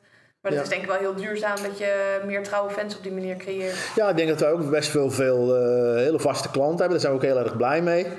En ja, en dat is ook juist, dat is dan nog meer dat vertrouwen. Je wilt dat ook vertrouwen van die mensen niet beschamen. Want eh, ja, dat vind ik gewoon echt heel belangrijk. Ja, Inderdaad, veel, veel terugkerende klanten hebben we. En echt een community. Want we hebben ook wel gehad dat mensen bijvoorbeeld op internet... die zeiden iets slechts over ons. En die worden gewoon aangevallen door onze eigen klanten. Die, die, wij hoeven er zelf niks niet opeens op te reageren. Daar reageren we sowieso niet op op dat soort dingen. Want je hebt toch vaak wat haatberichten. Hè? Dat zie je toch wel wat op ja internet. als je zichtbaar bent, dan... Ja, dan word je al gehaat. eh, Ja. Dat is al snel. Maar we toch vaak dat mensen dan voor ons in de bres sprongen. Van jongens, ja, maar wacht eens even. Dat, eh, ja, die viel hem aan. Ik weet niet precies. Ik heb wel eens in het verleden wel eens gehad dat mensen zelfs hun hele Facebook-account hebben moeten verwijderen. Omdat daar gewoon echt een complete aanval op losging door Dan niet, je zelf dat niet meer te Ja, we, we hadden helemaal niks gedaan. Iemand zei iets. ja, dat was gewoon ook echt onterecht volgens mij. Ik, ik, weet, niet, ik weet dat je gewoon zijn account toen verwijderd had omdat hij helemaal aangevallen werd door onze vaste klanten, zeg maar. Ja. Een soort fanbase. Ja, precies. Wauw. Ja. En ik ben ook benieuwd, want je zei net al van ik ben best wel positief of optimistisch. Ja. Uh, hoe denk je dat jouw jouw mindset heeft bijgedragen aan de groei van alles en, en het punt waar je nu bent? Ja, optimistisch qua mindset, uh, bedoel je, qua, qua persoon? Ja, qua mindset. Ja, uh, hoe het erbij bijgedragen? Ja, ik denk dat je, dat, het, dat je toch een stuk energie uitstraalt. Mm Kijk, ik geef gewoon aan af en toe, ik schets soms een situatie van ik denk van we gaan iets doen. En dan, dan schets ik hier de situatie waar, waar we naartoe moeten. Want ik heb bijvoorbeeld, bijvoorbeeld televisies hebben we nou. We hebben een heel netwerk, geloof ik, dat we nou ruim 100, 100 televisies hebben bij uh, sportscholen. Met narrowcasting, waarbij dan wij hier de content beheren. Wat ook de verkoop weer stimuleert van die sportschool, maar ook weer goed voor ons is voor producten. Dus in samenwerking krijgt de sportschool ook een vergoeding voor. Daar hebben we een hele mooie eh, overeenkomst mee. Maar goed, en op een gegeven moment zeg ik, ja, we gaan iets doen. En dan denk ik, ja, waar begint die man nou toch over? En dan ga je schetsen gewoon de situatie. Ik zeg, zien we het al voor? We hebben al die tv's hangen en we kunnen daar beelden op aansturen. En ja, je probeert gewoon ook met nieuwe producten, mensen hier mee te trekken van ja, het beeld van ja, jongens, we hebben de, die nieuwe producten, straks zie je al, we hebben al die potjes met al die smaken, allemaal verschillende kleuren. Dat, is ook, dat wilden we ook graag, want je ziet dat op een rij staan. Dus je schetst zeg maar de situaties hier van hoe ik het zie waar we naartoe moeten. Ja, je brengt het eerst in je hoofd, het visualiseren. Ja, want is dan allemaal blauwe, zwarte potjes met een blauw label met links ergens onderin het smaakje. Maar ja, als je dan naast elkaar staat, dat spreekt elkaar, dat spreekt niet zo aan. Ik zeg, er moet eh, allemaal moet onderscheid in zijn. Dus ja, ik schets wel gewoon het idee van waar we heen moeten. Ja. En ik denk dat de mensen daar wel veel energie in krijgen. Ik ben, ja, ik ben altijd wel weer iets, moet er iets nieuws of iets beters. Ja. En maar, uh, ik, vaak roep ik het en anderen pakken het op. En dan gaan ermee aan de slag. Dus en ja, ik ben altijd wel gewoon ja, positief altijd. Want ik vind die negativiteit, ik heb aan het begin van het gesprek eventjes tegen jou gezegd. ja, dat was volgens mij voordat we nog op. Ja, dat was voordat je, omdat je, met, dat je met negatieve dingen, ja, daar moet je je niet mee bezighouden. En, nee, je volgt net zoals ik geen nieuws. Uh... Nee, maar nieuws stoppen is ook heel goed in deze tijd, want het is alleen maar negativiteit. Ja. En het, uh, ja, voornamelijk je eigen bezighouden met dingen waar je invloed op hebt. Want dingen waar je geen invloed op hebt, daar kun je wel druk over maken, maar dat, dat leidt dus tot frustratie. En frustratie, dat kost zoveel energie, dat zuig je helemaal leeg. En je verandert niks. Niemand interesseert het wat jij ervan vindt. Nou, misschien wel, maar je kan het toch niet veranderen. Dus het heeft gewoon totaal geen nut hoe druk jij er ook over maakt. En hoe drukker, drukker, drukker, drukker. Met een soort rat aan het Ja, je bent, ja, het maakt niet uit hoe druk jij je maakt. En op een gegeven moment plof je hoofd eraf, komt zo'n stoomwolk uit. ja. weet je wel. En, uh, maar je hebt niks bereikt. Omdat je niks kan bereiken. Dus ik heb me dan geleerd, maak je druk om te drinken waar je invloed op hebt. En dat probeer je daar iets aan te doen. Ja, investeer die energie in dingen waar je energie van krijgt. Ja, want dan krijg je, als, je dan, als het dan ten, ten goede verandert, dan krijg je ook energie. Ja. En anders kost het alleen maar. En dat, uh, ja, dat heb ik hier ook. Soms gebeuren er hele nee, dingen. Dan, dan, dan, ja, we hebben een leverancier gehad van reepjes. Wij kochten er allerlei repen. En die zegt ineens, ja, we, we, wij gaan ons richten op de allergrootste klanten. We waren best een grote klant, maar we hadden veel verschillende repen. En sommige klanten hebben maar weinig repen, maar heel veel volume. We gaan ons richten op de grotere klant. Nou, en op een gegeven moment was hier, oh shit, dat paniek in de tent. Tot ik op een gegeven moment denk van, jongens, maar dit is, dit is ja, denk ik, was ook drie minuten zo. Dat ik, ja, maar wacht eens even, dit is eigenlijk een kans is een kans om onze repen te verbeteren. Bij een, via, via, een nieuwere, nieuwere, er waren nieuwere technieken en dat soort dingen. Dus ja, denk ik, ja, we buigen dat maar om. Precies. Tot iets, uh, tot iets positiefs. Want te lang blijven neerhangen in negatief, dat heeft geen zin. Dat heeft nee, totaal geen zin. maken en het verandert nul aan de uitkomst. Ja, helemaal niks. Meteen door, eh, ja, doorpakken. Ja. En uh, dat hebben wij wel. Dat, uh, dat is, dat is ook weer kenmerkend voor ons. Dat horen wij. We hebben natuurlijk met producenten te maken. En producenten die hebben contacten met alle merken. Mm Maakt niet uit. Wij, niemand, geen enkel merk maakt zelf. Hè, want dat wordt allemaal door producenten gedaan. En die doen dat voor meerdere. Ja, je merkt dat wij zo snel schakelen. Soms sturen ze ons, ja, wij, wij willen iets. Er moeten snel samples komen. En, wij, wij, ja, dan wachten wij twee weken. En dan zitten wij, jongens, waar blijven die samples nou?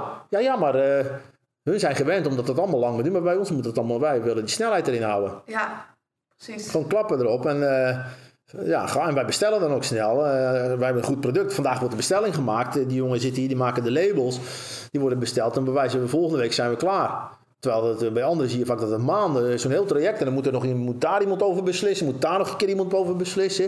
En dan komt er nog een keer iemand uit Engeland die moet een keer een beslissing nemen. Ja, het duurt allemaal veel te lang. Ja, en dan loop je alweer achter de feiten aan. Ja, precies. Dus uh, het stukje energie bij jou, het, het ontwikkelen ja. en ook de snelheid. Ja, snelheid. Horen, gewoon tempo. Ja, gewoon gas erop, klap erop geven. Goed idee, doen. Geen goed idee, voelt niet goed, niet doen. Ja. Ja, en uh, zo simpel is het hier eigenlijk. En dat is ook heel makkelijk, want ja, we zitten hier met elkaar en vaak er komt nou een idee op. Nou, we hebben het erover en hebben een aantal mensen hebben een mening. En dan discussiëren we een tijdje. En als we er niet uitkomen, ja, dan, dan, dan, dan beslis ik, zeg maar. Ja, precies. Uh, als we er niet echt helemaal uitkomen. En als we er wel uitkomen, dan, uh, ja, dan sluit ik me gewoon vaak aan bij die... Uh, ja, denk ja, zelfs soms ben ik het ook niet helemaal. denk ja, god, dat anders gekund, maar ik ga ook niet op mijn mening doordrukken. denk ja, daar heb je hem weer. Ja. dat is uh, klaar, maar vind prima. Maar we, we, beslissen gewoon heel snel. Zeggen gewoon, ja, goed, dit gaan we doen, klap erop. En dan kun je ook meteen handelen. En dan kan zo'n beslissing binnen vijf minuten genomen worden. Dat zijn best, ja, dan hoor je toch wel vaak van iemand, hey, hoe kan dat nou? En dan kan je ook testen of het werkt uiteindelijk. Je kan er nog heel lang op aan de tafel over gaan nadenken. En ja, dat heeft allemaal geen. Ja, nee. Nee, we gaan wij handelen heel snel. En soms natuurlijk ren je wel eens in een, een of andere valkuil. Hebben we dingen gedaan. Je ja, god, heb ik dat nou kunnen doen? Of heb, ja, we, we, we, hebben strandballetjes besteld en allemaal dingen van die gekkigheid. Dan denk je ja, en dan blijkt het later een van een raar balletje te zijn. Of, ja, of, of, of, samenwerking. Ja, natuurlijk loop je wel, doe je wel eens dingen dat je later denkt, had ik niet gedaan. we hebben ook eens producten besteld en dan komt het hier. En dan hebben we, was die hoeveelheid zo groot, hebben we ons helemaal gegalopeerd zeg maar, in die hoeveelheid, hoeveel het was. En dat krijgen we in een jaar, in een jaar in die houdbaarheid, krijg je het bijna niet verkocht. Denk, hoe gaan we daar nou weer, hoe gaan we dat nou weer doen? Ja, is dat weer een nieuwe uitdaging om toch überhaupt van die spullen af te komen. Ja, precies. denk, ja, daar hebben we toch niet zo goed over nagedacht. Ja. Ja, met, met, met bepaalde reepjes of drankjes. Hadden we flesjes limonade toen de tijd. En toen dachten we, ja, dat hebben we, gaat we 50.000. Ja, maar 50.000 repen, raken we ook kwijt. 50.000 flesjes raken we ook wel kwijt. Ja, maar niet gerealiseerd dat die, die repen in een 12-pack zitten. En die flesjes? Die, die flesjes gaan los. Ja. Er zit een factor 12 tussen. Ja, dat natuurlijk klinkt allemaal helemaal. dachten we, ja, reepjes, ja, ja, ja, doe maar. Ja, bestellen we wel. Doe maar, Ja, dan komen hier opeens 150.000 van die knijpflesjes binnen.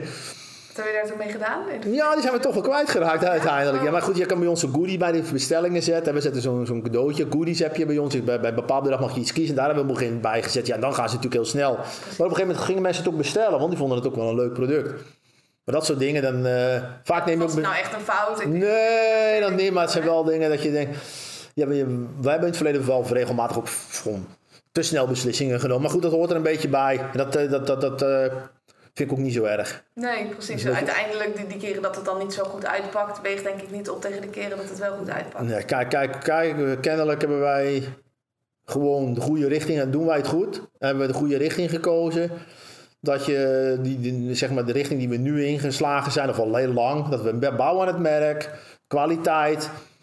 Uh, wel, we geven natuurlijk doen we aanbiedingen voor onze klanten, want dat doen andere aanbieders ook, maar niet te gek. Ja. Want je devalueert ook voordat je het weet is je merk gedevalueerd.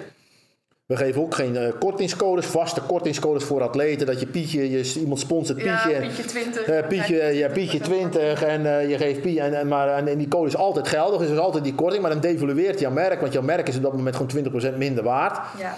Voor een klant, want op een gegeven moment zonder korting koopt hij het niet meer. Maar je wilt ook die kwaliteit leveren, dus dan kan die korting ook niet altijd. Ja. De, en ik wil dat ook niet. En ik vind dat je ook niet, de, de, de, we doen wel eens samenwerkingen met een influencer of wat hè, bekenderen of wat atleten. En zeggen ze, ja, waar is mijn kortingscode? Ik zeg, wij geven geen kortingscode, want mensen moeten ons merk kopen omdat ze erin vertrouwen, omdat ze kwaliteit vinden, omdat ze... Ja, niet voor de prijs. En niet omdat ze korting krijgen. Dat moet niet de motivatie zijn. Nou, ik weet natuurlijk, heel veel andere merken doen dat natuurlijk, omdat ze zo'n influencer willen zien wat, wat, hoeveel inkomsten of ja, hoeveel verkopen genereert die goede man of vrouw nou eigenlijk. En als je hem een kortingscode geeft, kun je het volgen, want hoeveel mensen die kortingscode gebruiken, dan, uh, dan weet je gewoon, die komt via hem. Precies. Of tenminste, die gebruikt in ieder geval zijn code. Maar wij doen, wij doen dat niet. Nee. Want dat is gewoon een bewuste keuze, want je wil gewoon wel, ja, je merkwaarde ook houden. Ja, en een stukje vertrouwen ook in de influencers. Van, hè, ze, ze doen hun werk goed, we hoeven niet te controleren door... Ja, nee, precies dat. Want anders, dan ga je de samenwerking al helemaal niet aan. Nee, precies. Dus ja, wij, wij, dat is ook met die influencers ook voor ons ook lastig. Hè? Want het is, ja, we moeten er, ja, je moet er ook spaarzaam mee omgaan. Want je ziet bijvoorbeeld... Uh, wat je vaak met de samenwerking ziet. Als je eindigt, om wat voor reden dan ook... dan heb je natuurlijk eens iemand die haat jou. Het kan best zo zijn dat om een bepaalde reden op een bepaalde na, een aantal jaren na samenwerking zie je niet meer zitten. kan van onze kant uitkomen, maar kan natuurlijk ook vaak, vaak zitten van de andere kant. we hebben het in het verleden best vaak gehad met atleten die we sponsoren. Die hebben we drie jaar gesponsord. Die hebben vaak helemaal geen wedstrijden meer gedaan.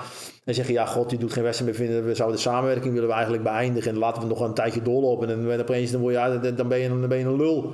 Ja. Uh, ten laatste dat iemand zegt, hey, bedankt uh, voor de samenwerking van de afgelopen Ja, die heb je er ook bij hoor. Dat moet ik wel zeggen, die heb je er ook bij. En dat vind ik altijd wel heel netjes. Als iemand dat zegt, nou, ik begrijp het. En ik bedank je voor de samenwerking van de afgelopen jaren. En uh, prima. Maar je hebt ook heel veel mensen die zijn ineens een hater. Ja. Daarom zeg ik hier altijd, jongens, kijk uit met samenwerkingen. Want elke samenwerking op een gegeven vroeg of laat eindigt die. Ja.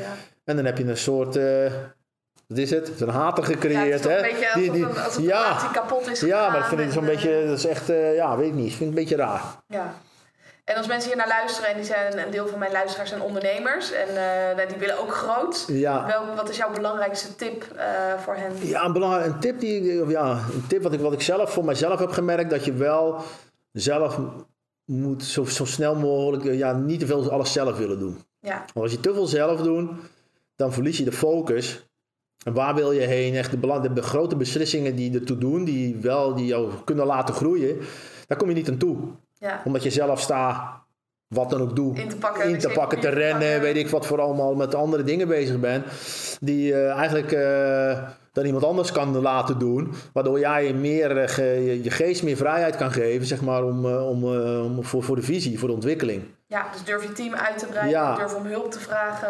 Ja, ik snap het ook wel, want soms kan het niet. Hè? Want soms zeggen mensen, ja, maar het is druk en ik heb er nog geen werk voor. Dat hadden wij vroeger ook iemand. Ja, maar er moet iemand bij, maar ik heb er nog geen werk voor. Ja, maar ik zeg, maar we moeten hem zorgen dat, die werk, dat we er werk voor krijgen. En die goede man... een te klein Ja. of een te groot eh, pand te namen, want Ja. dan kan je erin groeien. Ja, ja, maar je hebt ook die goede man of vrouw die komt, die, gaat, die moet zorgen dat we meer klanten gaan krijgen. ja, ja, Dus daarom gaan we drukker krijgen. En natuurlijk is het nog niet nodig, maar dan moeten ze, dus je moet dus ook investeren in de toekomst. Maar het moet ook allemaal financieel natuurlijk wel uit kunnen. Dat, is natuurlijk, eh, dat moet natuurlijk wel. Maar het is wel, en ook denk ik, gewoon niet ja, te veel, maar ook gewoon mensen de verantwoordelijkheid geven. Je Ja. moet eigenlijk een hele ondernemende organisatie proberen te creëren. Waarbij jij, jij niet de boel dicteert. Want je ziet het nog heel veel, dat de baas dicteert. En straft af. Hè? En, eh, en, en, ja, gewoon de, en alles wat niet goed is. Terwijl eh, ja, veel de mensen zelf moet laten doen. ja. En wat, wat, wat ik ook nog wel eh, dan wil toevoegen, wij hebben ook geen functieprofielen. Wij, we komen met mensen bij de klantenservice of bij de marketing. En op een gegeven moment zie je, dat is, die hebben een teamtaak. En op een gegeven moment eh, zie je bijvoorbeeld iemand, die heeft een bepaalde taak is hij goed in, een bepaalde taak is hij minder goed in. En dan kan ik die man wel steeds gaan wijzen op die taken waar hij niet goed in is. Dan krijg je negativiteit. Dat vindt hij blijkbaar niet leuk. Is hij niet goed in, wordt hij ook nooit goed in. Ga hem dan focussen op de dingen waar hij wel goed in is. En dan gaat hij daarin excelleren. ja, ga dat uitbuiten. Ja, ga dat uit en dan wordt, dan wordt iemand daar een, eh, een, eh, master in. In Ja. datgene wat hij, al- waar hij toch al goed in was. Wat hij ook heel leuk vindt. En dat andere taakje, er is in dat team best wel iemand zitten. Tenminste, dat is bij ons wel altijd zo. Die daar toevallig dan wel goed is en wel leuk vindt. Ja, dat team kan het gewoon opvangen. Ja, dat hebben wij dus. Dat zien wij dus ook bij, bij, bij, bij functies van ons. Van sommige je moet, die hoort in principe bij een takenpakket. We hebben geen takenpakketten, maar goed, hij zou dat in principe moeten doen. Maar ja, we zien dat hij daar steken laat vallen. Het gaat niet goed. En dan zijn we gewoon zeggen, ja jongen, het is misschien beter als jij dat niet gaat doen. Dan gaat, gaat iemand, die taak gaat naar iemand anders toe. En eh, die andere goede man of vrouw gaan we dan, ja, degene waar hij goed in is, daar juist de nadruk op leggen. En Ja. daar, geloof ik ook echt in. Je Ja, moet, nou, zo'n plezier. je moet de, dingen, de mensen de dingen laten doen waar ze goed in zijn. En niet waar ze niet goed in zijn. Dat moet je een ander laten doen. Ja, precies, inderdaad. En zijn er nog dingen die ik vergeten ben om te vragen? Waarvan ik denk van, nou, dat eh, wil ik nog graag toevoegen. Ja, op dit moment zou ik het niet weten, maar ga ik straks toch allemaal wel. eh, komt het allemaal nog Oh, boven? Ben, ben, ben ik te laat? Ben ik te laat. Nee, ik zou het zo niet weten. Ik denk dat de, voornamelijk die laatste dingen die ik genoemd. De, Ja, mens, dat- de mens laat het team lekker aan de gang. Word, ben een motivator, een coach. Ben geen baas. Coach je mensen. Bij ons eh, vraag je mensen van of jij iets voor hun kan doen. In plaats van dat jij iets. eh, dat hun iets voor jou moeten doen. Van kan ik je ergens mee helpen? Heb je iets nodig? Faciliteer. Ja. Faciliteer de mensen. En laat, eh, laat de mensen het. eh, ja, dat, Dat mensen het voor je ja, laat, laat mensen het voor je doen. Ja. Dus dat is eigenlijk, denk ik, dat, ik denk dat het heel belangrijk is. Ja, nou lijkt me een hele mooie om hem eh, bij af te sluiten. Ja. Ja,